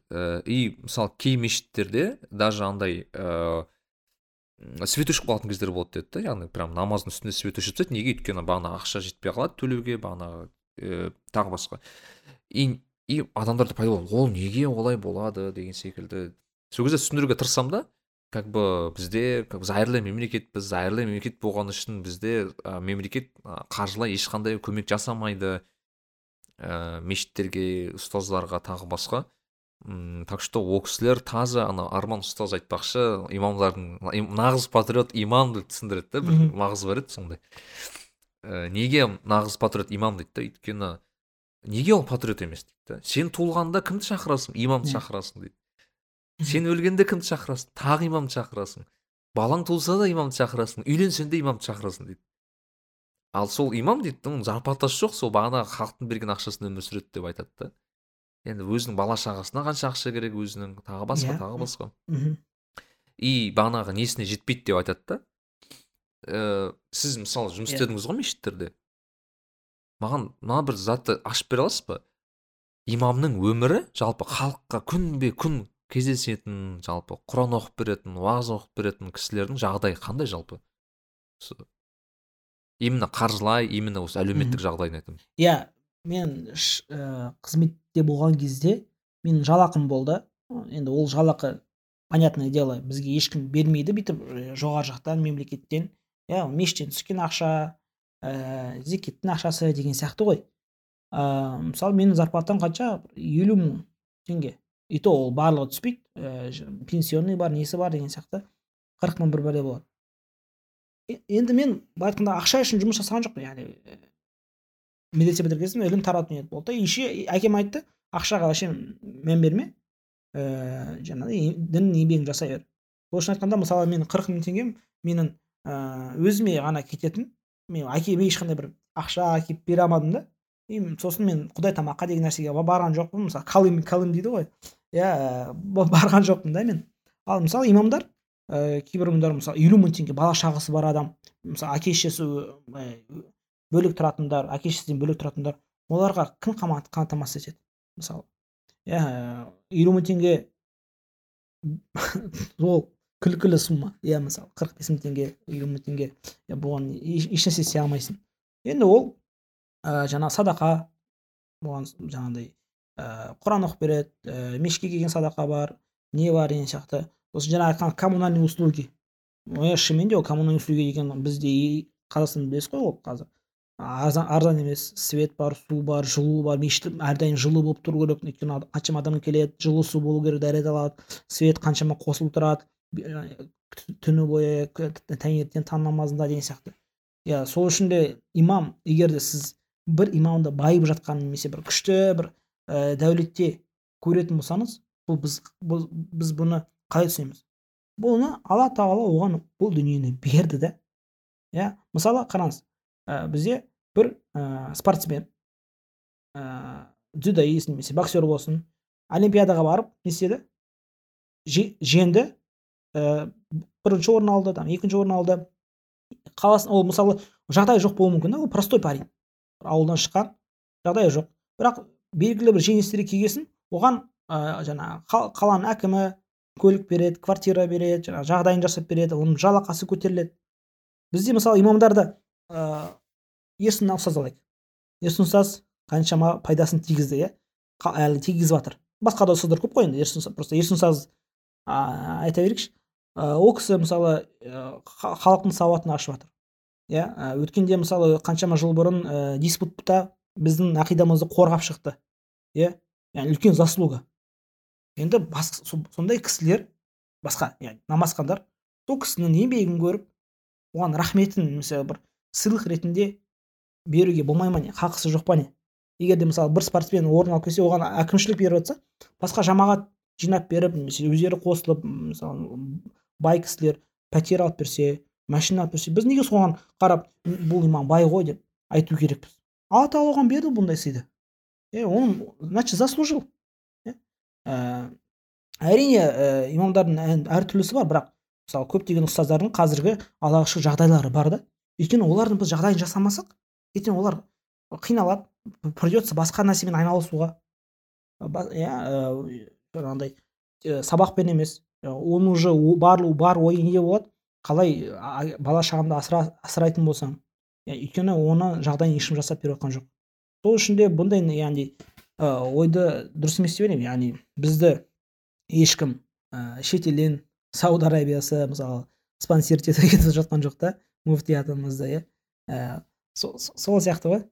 Менің ойымша ше кейде оны салыстыратын да секілді мысалы турцияны немесе бағана сауди арабиясын немесе тағы бір мемлекеттерді салыстырады да. Олар да осындай ғой деп айтады мен айтамын блин оларда иә мемлекет айтпақшы. береді ақшаны как бы ол жақта имамның зарплатасы турция бар жайлы айтайын дегенмін турцияның шынымен де дінге деген несі өте өте мықты да қолдауы ше.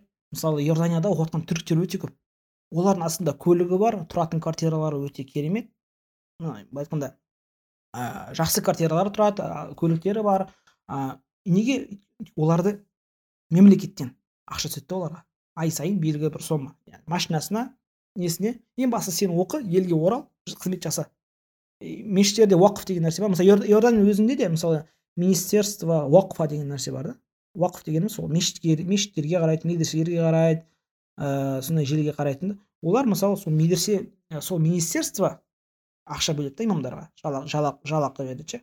Ал бізде енді өкінішке орай ондай, нәрсе жоқ болған. Соң уақыф деген нәрсе жоқ та бізде. Сол үшін ыыы жаңағы садақаның ақшасына садақаның ақшасынан уақыф деген по идее фонд, иә, қой по идее білсем иә? По Иә. сути фонд қой сен бір нәрсені бересің и оны қайтара алмайсың жиналады фондға ақша Иә. жинайсың. Одан пайда одан, одан, пайда таппайсың да сен. Яғни сен бір нәрсені бересің. Мысалы сен мешіт салдың болды сен мешіттен ешқандай пайда таппайсың ғой. А, бірақ сауап табасың да. Дүниелік ма- материалдық пайда таппайсың. Мұны бұны уақыф деп айтады яғни без- безвозвратный нәрсе да ол біз кеше ыыы буквально руслан берденов деген біздің бизнесмен бір ағамен сөйлескен едік та сол кезде ол кісілердің ол кісінің мынандай бір жақсы керемет бір проекті бар ол кісінің жасағысы келген ана турциядағы не секілді ыыы бір а, қайсы қылыч Паш- Паш- паша мешіті туралы айтты да маған соны жақсы пример ретінде келтірді да ол анау кезінде м, ә, бір итальяндық бір кісінің ислам қабылдап кейін ә, бағанағы не істеп ә, мешіт салып и мешіттің жанына монша салған ғой. Ә, вот өл- өлтірген бір как сказать вип вип монша салған ә, қылыч паша деген өзінің атын қойып сол ә, содан түскен ақша дейді негізі өте арзан емес не дейді негізі монша. Соның түскен монша жанындағы медресе моншадан түскен ә, ақша бағанағы медресемен ә, мешітті қаржыландырады деп. Ыыы мүмкін сондай да бір не иә. керек шығар деп ойлаймын. Өйткені бізде көбінесе байқайсыз ба? Айтады ғой бір ауылда мысалы айтады да мешіт соғамын дейді да барып. Мешіт соғамын дейді. Я говорю ладно сен мешіт соғасың мешіт тұрар ол жерде мешіт деген ол не? Здание негізінде. Мешітке кім кім ұстайды ол мешітті мешіт бір нәрсені өмір сүру керек қой. Яғни бір какой то бір бизнес керек ол бағана. Монша болсын магазин болсын кафе болсын кез келген бір зат болсын оны сол, сол үшін мешітте қазір ана асхана салады бірінші. Асхананы жақсы өйткені асхана оларға басты Иә, доход иә. ас- мен де асханада. байқадым. Өйткені құдай тамақ жасайды жаңағыдай ораза айында рамазанда ауызашар жасайды. Енді содан шығар. Яғни сол үшін шығар асхананы бірінші салатын. Өйткені табыс көз негізгі сол. Басқа садақада мысалы жәшіктен ә, кейде түсе қоймайды да. Ә, белгілі сома чтобы оның ертең коммунальный услугасын жабу үшін. Нарик билай ыыы ол жеке мынандай бір ііі тақырыпқа қолданғым келеді сіз мысалы интер ііі парақшаңызда ііі инстаграмда қазір діни кітаптардан бұрын бұрында кітап діни кітаптар ғана салдым қазір қазір ііі былайша айтқанда self education self development яғни саморазвитие кітаптарын оқып сіз андай ііі бір художественный кітаптар оқиды екенсіз. Ыыы орыстың неше түрлі кітаптарын көрдім і классиктердің. Сіз жалпы ыыы ол неден і көбінесе сіздің өзіңіздің қызығушылығыңыз ба? Әлде сіз жалпы білгіңіз келе ма? Дамығыңыз келе ма? Қандай не болды? Запрос деген ғой ондай кітаптарды оқуға? Мхм. Иә мен осы жылы жүз бір жылда жүз кітап деген нені бастадым. Мақсат қойдым да. Осы жылы мен жүз кітап оқып шығу керекпін деген мақсат. Ә, неге ондай мақсат қойдым десеңіз мысалы менің артымдағы полканы көріп тұрсыз ғой. Бұл полкаларды мен қашан оқып бітемін егер де мен осылай жылына жүз кітап оқитын болсам. А так мен оларды ешқашан оқып бітпеймін да. Көрдіңіз ба сол үшін осындай мақсат қою керек болды өзіне былай айтқанда. Планка қою керек болды. Ол бір. Екіншіден мен неге ислами кітаптардан басқа кітаптарды оқимын? Жаңағы достоевскийді оқып жүрмін. Иә мысалы ә, дмитрий портнягин трансформаторын оқыдым мысалы иә ә, жаңағы киясакидің кітабын оқыдым. Ә, сосын анау кім тағы? Ә, монах который продал феррари деген сияқты. Неше түрлі кітаптарды кезінде оқып тастағанмын. Кімнің? Конан дойлдың шерлок холмс сияқты. Художка художка болсын саморазвитие болсын әйтеуір қандай топ кітап бар? Мен соны оқуға тырысамын. Не үшін? Біріншіден адамдар қазіргі адамдар ә, не оқып жүр және олардың сол оқығанына сай олардың ой өрістері өзгереді ғой. Соны түсіну үшін адамдарды түсіну үшін оқимын да мен. А, бір екіншіден ол әрине саморазвитие. Өйткені ол, ол жерден пайдалы нәрсе инсайт тауып алуға болады. Иә? Яғни и мына хадисті мынау хадис менің негізгі ұстанымым да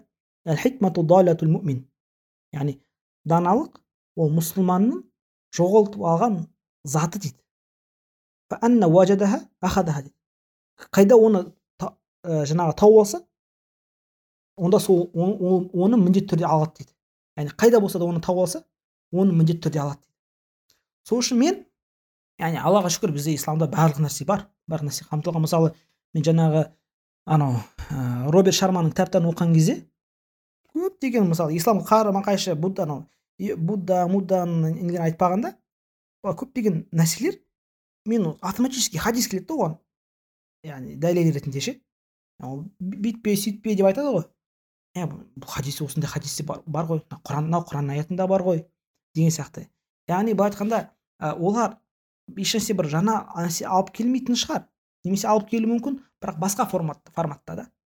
Мысалы кайзен кайзен сияқты нәрселер ә, немесе қарапайым тілде ә, алып келуі мүмкін. Соны мен оқып алып оқып алып исламмен байланыстырып данияр жігітбек сияқты әдемі жасап адамдарға жеткізгім келеді да көрдіңіз сол нәрсе сол үшін шығар мен оқитыным екінші үшіншіден ол былай айтқанда демалыс. өйткені сен ыыы арабша кітаптарды оқыған кезде ол жақта миды сезетін әсіресе жаңағы мен айтқан кәләм ілімі бар ғой. Кәләмді оқыған кезде немесе усуль әл немесе жалпы хадис терминологиясын оқыған кезде сен кішкене шаршайсың басың ауырады. Тіпті мысалы арабша әдебиетті оқыған кезде бәрібір де арабтардың тілі бай болғасын ыыы миды сетесің да ыыы не, үшін? Былай былай айтқанда қатты демала алмайсың. Ал орысша қазақша кітап оқыған кезде сен демалуға мүмкіншілік береді да ол. Оқып демаласың плюс пайда аласың деген сияқты. Бірақ достоевский оқыған кезде ондай емес кішкене қиналасың. Бірақ ә, енді ол ол да қызық бірақ достоевский біраз нәрсе маған ыыы өте қызық. Әлі де оқып жатырмын. Тілі ауыр болса да. Вот сол шығар. И қанымызда бар нәрсе ол кітап оқу жалпы. Атам өте көп, көп кітап оқитын ә, әкем көп кітап оқитын. Бізде үйде мысалы қазір ә, ана мен әкемнің санамағанда менің жұбайым қарындасым кітап оқып жарысамыз да біз бір бірімізбен ол күшті не мотивация. Былтыр былтыр кітап мен, мен айтайын бір просто адамдарға бір ә, мақтану ретінде емес ә, қалай айтсақ болады олардың ынталарын кітап оқуға арттыру үшін және бір пример ретінде ә, былтыр мен ә, кітап сатып алу өте көп, көп кітап сатып алдым. Өте көп кітап сатып алдым. И былай ақшасын санайтын болсам бір жүз мың екі жүз мыңнан асады. Иә бір екі жүз мыңнан астам тек қана кітапқа ақша құрттым да. Ыыы примерно сол енді олар тұр. Енді қазір мен уже кітап почти кітап алмаймын. Ыыы алсам да тек қана керегін оқып жүрмін. И анау кітаптарды оқып тастау керек та маған. Менде де негізі қазір көрінбей тұр. Менде де андай не тұр мына жақта ыыы кітапханам бар енді сіздікіндей үлкен емес тоже кітаптар алып алып қазір уже андай өзіме ішкідей андай не лимит қойып қойдым болды енді алмайсың деп мыналарды бітірмесең алмайсың деп өзіме қойдым бәрібір алып қоясың бәрібір алып қоясың мына қызық қызықтанып кетесің мен қызық сіздің ә, художественный литература бар ғой. Негізі мен оқитын да мысалы айтматовтың кітаптарын өте жақсы көремін да өзім. Кейбір орыс ә, классиктердің кітаптарын оқисың. Негізінде былай түп негізін қарасаң өте қызық философия ойларын тыңдайсың жалпы құдай жайлы кісілердің нелерін оқисың сізге былай қатты әсер етті ма білмеймін бірақ мысалы мен кезінде басында оқи бастаған кезде уже есімде емес мен намаз оқыдым оқымадым бірақ маған әсер ететін шынымен өйткені андай бір ә, терең ойларды бүйтіп әдеби жеткізгісі келеді да. И сол кезде мен есімде ана марқұм ә, ә, ажы деген кісі бар ә, қырғыз бауырларымыздың керемет бір имам болды осы коронаның кезінде қайтыс болып кетті. Ә, бірақ алла рахмын алсын сол кісінің бір иә алла рахымын алсын бірақ ол кісінің бір керемет бір өзі де бір позитивчик кісі еді. Соның бір ә, несі есімде бір уағызында айтып отырып ә, мынандай айтады да кітап оқу да құлшылық деген сөзді айтып қалады да маған сол сөз есімде қалып қалды да. Иә. ә, сөйтіп таңқалдым маған бір ұнаған ә, сөз ә, ол абдулфатах абуғуда деген ғалымның сөзі. Кутуб нисфул илм кітапты сатып алу ғылымның ілімнің жартысы дейді білімнің жартысы кітап сатып алу өйткені сен уже кітап сатып аласың ол сенің үйіңде тұрады и- міндетті түрде мынандай фишка да кітапты сен көрінетін жерге қойып қой да ол сенің көзіңді мозолить етеді. Оқы оқы оқы деп сен міндетті бір күні сен оны оқисың ше сол үшін сатып алғаннан кейін бүйтіп полка арнап оны әдемі бір жерге қойып қойып кө- көзге көрінетін жерге. Онда сен иншалла оны оқисың деп ойлаймын. Ал жалпы ә, художник мен жалпы енді ә, гарри поттерді қатты ұнататын адам мысалы көріп тастаған адаммын ше гарри поттерді мен жалпы андай ә, фантастика сияқты нәрселерге өте қатты қызығатырмын не үшін? Өйткені ол ондай нәрселер ой өрісін дамытады ғой. Фантазияны да нені бір ыыы былай айтқанда ойлау қабілетін ыыы сол үшін бұндай нәрсеге қатты қызығатынмын. Шерлок холмстың сияқты сериалын көрмегенде былай кітабын оқ- оқыған кезде мүлде басқаша. Ә, тарих кітаптары да ұнайды мысалы анау не ә, шыңғыс хан туралы кітабы анау ә, жестокий век немесе путь к морю өте керемет кітаптар. Өмір ең қатты ұнаған кітаптардың бірі деп ойлаймын. Ыыы сол кітаптар бар тағы қандай. Ә, әлі оқимыз. Кітапқа үлкен қызығушылық мен иорданияда ашылды. Иорданияда ашылды. Мен бір ә, мен иорданияда көптеген инсайт алдым. Ә, ұстаздармен сөйлескен кезде немесе бір шейхтің алдында отырған кезде олар әрдайым мына кітапта былай жазылған мына кітапта былай айтылған деп айтады да. Сосын мен қандай да бір кісінің немесе досымның үйіне барсам міндетті түрде кітаптарын қараймын. Мынау не кітап мынау қандай кітап. Немесе кітап оқыған кезде астында источник келтіреді ғой. Соны міндетті түрде сызып аламын бір блокнотқа жазып аламын немесе телефонға жазып аламын да. Болды ол кітап ертең мысалы мен ә, кітап дүкеніне барған кезде не кітап алайын деген кезде уже дайын тұрады список. Осы кітапты ала салуға болады деген сияқты ше. Сол нәрсе қатты қызықтырды мені яғни кітапты зерттеуге. Мысалы алан қалауымен ііі менен көп адамдар сұрайды. Фих кітабын қандай оқысам болады ақидадан не кітап оқысам болады. Менде не көп та уже былай инсайт дей ма кейс яғни ыыы кітап жайлы қандай кітап оқу керек қалай оқу керек еще әсіресе баспа жайлы. Басында мен білмейтінмін иорданияда бір жігіт бар. Ол кітаптардың барлық аттарын біледі барлық баспаларын біледі сол маған өте қатты қызықтырды да мені. А и мен одан қалмайын деп мен, менде сондай нәрсе бар. Біреу менің бір нәрседен асып бара көрсем мен содан ас, ас, асқым келеді да. Сөйтіп мен де барлық кітаптарды зерттейтінмін оны жаңағыдай одан асып кететін ертең онымен отқан кезде ол кітап жайлы әңгіме айтқан кезде мен де оған бір жауап бере алатындай сондай дәрежеге жет- жеткім келеді алланың қалауымен сол үш жылда сондай бір опытым бар. Сол аллаға шүкір көптеген пайдасын тигізіп жатыр. Кітап тыңдай аласың да уже қандай кітап керек қандай керек емес деген сияқты енді осы енді осы ілімді мен андай кітаптарды да- дамытқым келеді яғни ислами емес кітаптарды дамытқым келеді да художкада неде ә, саморазвитияда мысалы мысалы трансформатор кітабын оқыдым ыыы портнягиннің былай айтқанда қатты впечатлить етпеді бірақ бір досыма бердім мынау мынау саған болады дедім да енді бизнес бастағысы келіп жүр мынау сен осыны оқы ыыы былай айтқанда ш- он ни- ничего такого нового былай айтқанда қарапайым тілде айтқан ішінде су да бар да яғни вода вода бар. Бірақ мен оған айттым оқи мен оған жаман жоқ бір оқып көрші пайдалы кітап деп айттым да оған. Сондай. Иә андай ә, бұл ше ол жерге бір жағынан сізге де жалпы имамдарға кейде мен айтатын сөзім да бізде мысалы көп имамдар ә, бағанағы діни кітаптарды оқиды да. Бағана мысалы саморазвитие бағанағы бизнес кітаптар болсын маркетинг тағы басқа кітаптар болсын оқымайды. Мен айтамын неге оқыңыздар деймін да керісінше соларды сізге оқу керек өйткені сіз сол халықпен сөйлесесіз деймін да сондай кітапты оқитын халықпен сөйлесесіз деймін Иә, да олардың тілін түсіну керексіз.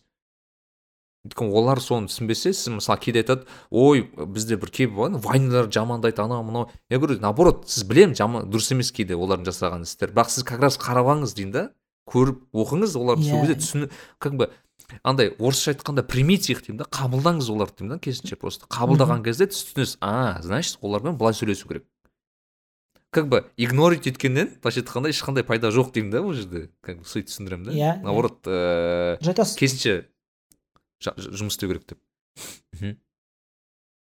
Мысалы арман қуанышбаев та ол да сондай кітаптарды көп оқиды. Мысалы арман қуанышбаев ұстаз. И сол сондай кітаптарды оқитын адамның несі де манера речи бай- байқалады да. Былай айтқанда басқаша сөйлейді да ол.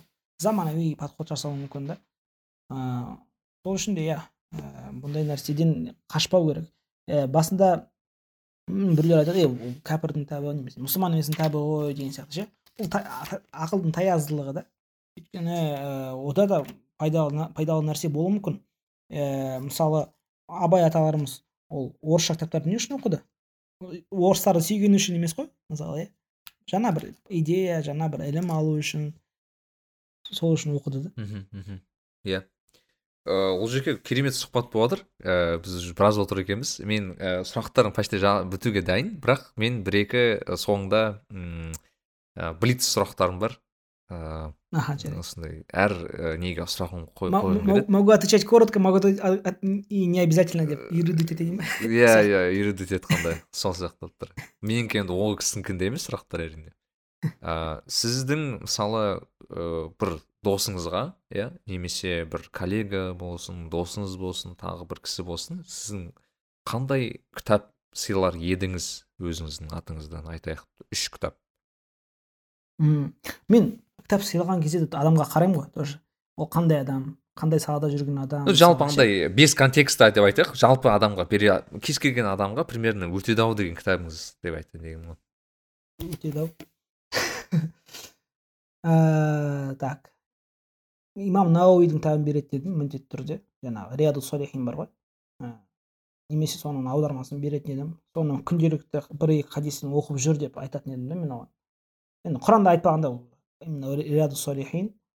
екінші қандай кітап берсем анау әс пайғамбар хақ жолы қазақша аударылған ат тариха мұхаммадия бұл жерде де өте көп нәрсе айтылған жүрек адамның ішкі аурулары жайлы соларды емдеу жолдары ішінде фих та қозғалған ішінде сенім де қозғалған былай айтқанда өте ауқымды кітап оқу керек өте үлкен кітап есімде болса. Өйткені мен есімде азан кезетте ме еді абу аля ашари деген кісінің иә. Тариха тариха мұхаммадия деген несін оқып жүрдім. Мен Иә, бітпейді ғой ана қанша сұрақ бар мен айналайын бір жүз бірнеше сұрақ сабақ болып кетті мына жерде. Иә бірақ күшті. күніге оқысам да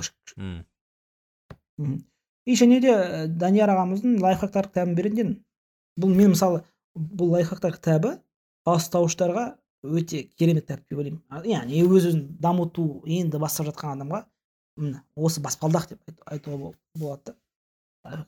Өте сәтті шыққан кітап меніңше.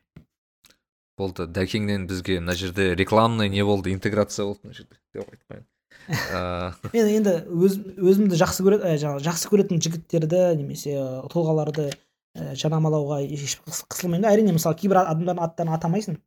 Өйткені. Лишний реклама болып кетуі мүмкін. Ал бірақ Да- данияр сияқты ағаларымызға әрине ештеңе жоқ. Әрине. Ә, так екінші сұрақ ол жеке ә, сіз ә, өзіңіз ә, ну былайша айтайыншы сізге басқашалай қояйыншы ә, сіз өзіңіз осы бір фраза болсын бір хадис болсын сөзді естіген кезде өзіңіз болады ғой бір жан бір мотивация аласыз немесе бір шабыттанасыз. Осы қандай сөздер немесе хадис немесе тағы бір сөздер сізді шабыттандырады жалпы? Иә маған шыңғысхан сөзі қатты ұнайтын. Ұна, ұнады. Мхм Ә, если ә, если делаешь не бойся если боишься не делай деген бір хадис бар ғой. Ой хадис деп қой сөз. Шыңғысханнан хадис өтті С- сол Ә, яғни хадис деген мағынасы мысалы тілдік мағынасы сөз ғой иә иә иә шыңғысханның О. сөзі иә күшті екен ыыы енді ыыы істесең қорықпа қорықсаң істеме деген иә иә мынандай сұрақ өзіңіз соңғы жылда бір жақсы өзіңізге бір пайдасы тиген ыыы қымбат емес айтайық бір инвестицияңыз яғни бір кітап девайс сотка. Бір кез келген бір дүние өзіңізге бір пайдалы болды бір қымбат емес өзіңізге бір өміріңізге пайдасы тиді. Мен өзімнің девайстарымды ауыстырмағалы екі жыл болған шығар. Осы ноутбукта соткада онда қатты қызығушылық жоқ. Қазір енді уже медиа адам болғасын айфонға айфонға көшу керектігін түсініп жатырмын айпад керектігін түсініп жатырмын. Ал былтыр былай айтқанда мен көптеген сол ақшамды көбінесе сол кітапқа ғана жұмсадым шыны керек. Иә ә, мен былтыр біраз курстар ұйымдастырдым араб тілін үйрету курстарын. Ә, жаңағы морфологиядан синтаксистан. И тапқан ақшасының былай айтсақ отыз қырық пайызы сол кітапқа кететін. Кітап, кітап- кітапқа жұмсаймын да қалғаны өзімнің қажетіме. Сол шығар. Басқа жоқ. Мен бір ең ең бір ә, қымбат өзіңізге бір ең пайдасы тиген кітап деп айтайықшы сол бір жылдың ішінде сонда. Қазір қарап көрейінші. Кітаптар көп та просто. Меніңше ыыы мынау дін мен дүниенің әдебі деген кітап. Бұны мен әкем ыыы қажы ы, кіші қажылықтан алып келді. Мен оны заказ еттім. Әкем қажылық кіші қажылықта жүрген кезде осы кітапты алып беріңізші деп айттым да. Дін мен дүниенің әдебі күшті кітап енді. Имам мауерди деген ғалымның кітабы. Ыыы былай айтсақ ііі ілім жайлы неге адамдар ілім алмайды немесе ілім алса неге олар жетістікке жетпейді сияқты мәселелерді қозғаған ше? Сырт сөзі дін мен дүниенің әдебі яғни ойлайсың сен бұл жерде тек қана әдептер айтады бірақ негізі ондай нәрсе емес өте күрделі мәселелерді қозғаған да сол кітапта. Сол кітап маған өте ұнады әлі күнге дейін оқып жатырмын аз аздан ә, так ә, үшінші сұрақ өте сіздің енді сіз ә, қазір кішкене фантазия қосу керек. Ә, алматы алматы астана кез келген бір қалада сіздің ең үлкен бір билбордыңыз бар деп елестетейік билборд деген бағанағы реклама сөйтіп тұрады ғой сондай сондай бар да барлық адам көреді машиналар өтеді барлық адам бүкіл қалаға көрінеді деп алайық. Вот сол сіздікі. Сіз ә, қалаған затыңызды қоя аласыз суретіңізді сөзіңізді иә? Не қояр едіңіз негізі? Қандай сөз қандай бір месседж қоя алар едіңіз мәссаған ешқашан ойланбаппын бұл мәселе жайлы. Бірақ күшті сұрақ. Қазір ойлансам бола ма? Мүмкін мына сөз шығар. Ііі кітап оқитындар телевизор қарайтындарды басқарады деген. Қарапайым сөз да бірақ ішінде мағына жатыр деп ойлаймын. Ух ух ух қатты кетті. ондан да мынандай күшті болатын Иә, еді подкаст тыңдайтындар подкаст тыңдайтындар телевизор көретіндерді басқарады деген сөз шықса вообще керемет болар еді. Иә иншалла. Иншалла солай болатын шығар. Өйткені шынымен де подкастты қазір мысалы үйдегілер подкасттың не екенін білмейді да. Мен оларға түсіндірдім да бұл подкаст деген сияқты бір әңгіме талк жаңағындай. Иә иә. Иә подкаст яғни бұл жерде былай айтатын болсақ қазіргі жастар біледі да подкасттың не екенін және ода қандай пайда бар екенін. Сол үшін де болашақ жастарда алла қаласа мхм иншалла. Иә ол жерге көп рахмет. Бір керемет өзі көп ә, сұрақтың ашта, аша білдіңіз. Ә, құдай қаласа менің ойымша біз тыңдармандар да көп пайда ала білді. Алла сізге разы болсын. Істеп жатқан істеріңізге алла берекесін берсін. Ә, енді сөз соңында молжеке сіздің бір тілегіңіз біздің тыңдармандарға айтқысы айтқыңыз келетін бір іштей қандай бір Иә. тілегіңіз болса. Біріншіден нәреке сізге көп рахмет алла разы болсын. Мен ә, осы подкастта барынша андай арабша сөздерді қолданбауға тырыстым да. Себебі термин енді сіздің ауди- аудиторияңызды білем ә, жан жақты аудитория. Иә және жақсы аудитория осы аудиторияға тілейтінім және сізге тілейтінім алла тағала сіздерге ең бастысы пайдалы ілім берсін. Және сол пайдалы ілімге амал етуді нәсіп етсін иә. Ең бастысы біз ә, аллаға шүкір деп мұсылман болғанымызға шүкір деп айту білейік. Ал сол шүкірді ә, дұрыс жасау керек деп ойлаймын. Біздің шүкіріміз тек қана тілде емес амалмен де көрсету керек та жалпы шүкірдің үш түрі бар ғой. Тілменен амалменен жүрекменен. Сол ә, жүректегі шүкір нағыз шүкір. Бірақ сен жүрекпен шүкір етіп жатқаныңды сен амалмен көрсете аласың да. Түсіндіңіз ба?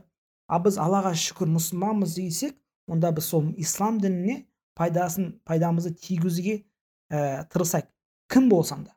Мейлі сен дәрігер бол мейлі сен инженер бол мейлі сен айтишник бол. Бізге мұсылман мамандар керек жан жақты саладан ең бастысы пайдасын тигіз. Біз ертең мысалы мұсылман дәрігер бар болса мысалы біреу маман дәрігер мұсылман. Екіншісі маман ол мұсылман емес сен кімге барасың? Әрине мұсылманға барасың иә. Ә, сол үшін де осындай мамандарымыздың жан жақты мамандарымызды ә, көп бол, көп болуын тілеймін. Бірақ сол мамандар мен бас, басында айтқандай алланы таныған алланы дұрыс таныған мамандар болса екен. Ол бір екінші алла тағалаға шүкіршілік айтамыз. Біз қазақ болып туғанымызға өйткені мен шынымен де осы уақытқа дейін мен қатты бір патриот болған жоқпын. Бірақ осы елімізде жүріп мен түсініп жатырмын да біздің халқымызға жаным ашиды. Мысалы шетелде жүрген кезде көбінесе айту оңай ғой. Ә, және де ә, мысалы қалып қалғың келеді немесе көшіп кеткің келеді. Бірақ елге келген кезде өзінің бауырларын ә, қиын қиындыққа ұшыраған кезде немесе қазақстанның халін көрген кезде жанын ашиды. Сол үшін де біз ә, селман дей ма селман сияқты болуға тырысайық. Яғни қазақ халқымыз үшін ә, жаңағыдай аянбай еңбек ететін ә, тырысатын ә, жаңағыдай ә, мүддесін көтеретін халық болайық. Иә және макс мюллердің сөзін ұмытпайық. Дін мен тіл бар бірақ дін ең бастысы сол дінді сақтап қалсақ өзіміздің халқымызды сақтап қала аламыз. Егер дінімізді жоғалтып алатын болсақ онда халқымызда халық өзіміз қазақ халқымызды жоғалтып алуы мүмкінбіз. Иә ол да бар. алла разы болсын нәреке әмин иә тыңдармандарға көп рахмет. Тыңдағандарыңызға өте пайдалы болды деп есептеймін ә, қош саламат сау болыңыздар. Бізге жазылып қойыңыздар. Ә, олжастың инстаграм парақшасына жазылып қойыңыздар. Ә, маған жазылыңыздар біздің парақшаға жазылыңыздар. Ә, кері байланысқа ашықпыз. Ә, сау саламатты келесі кездескенше сау саламатта болайық. Бәріне рахмет. Нарик билай кәсіби және рухани даму жайлы подкаст.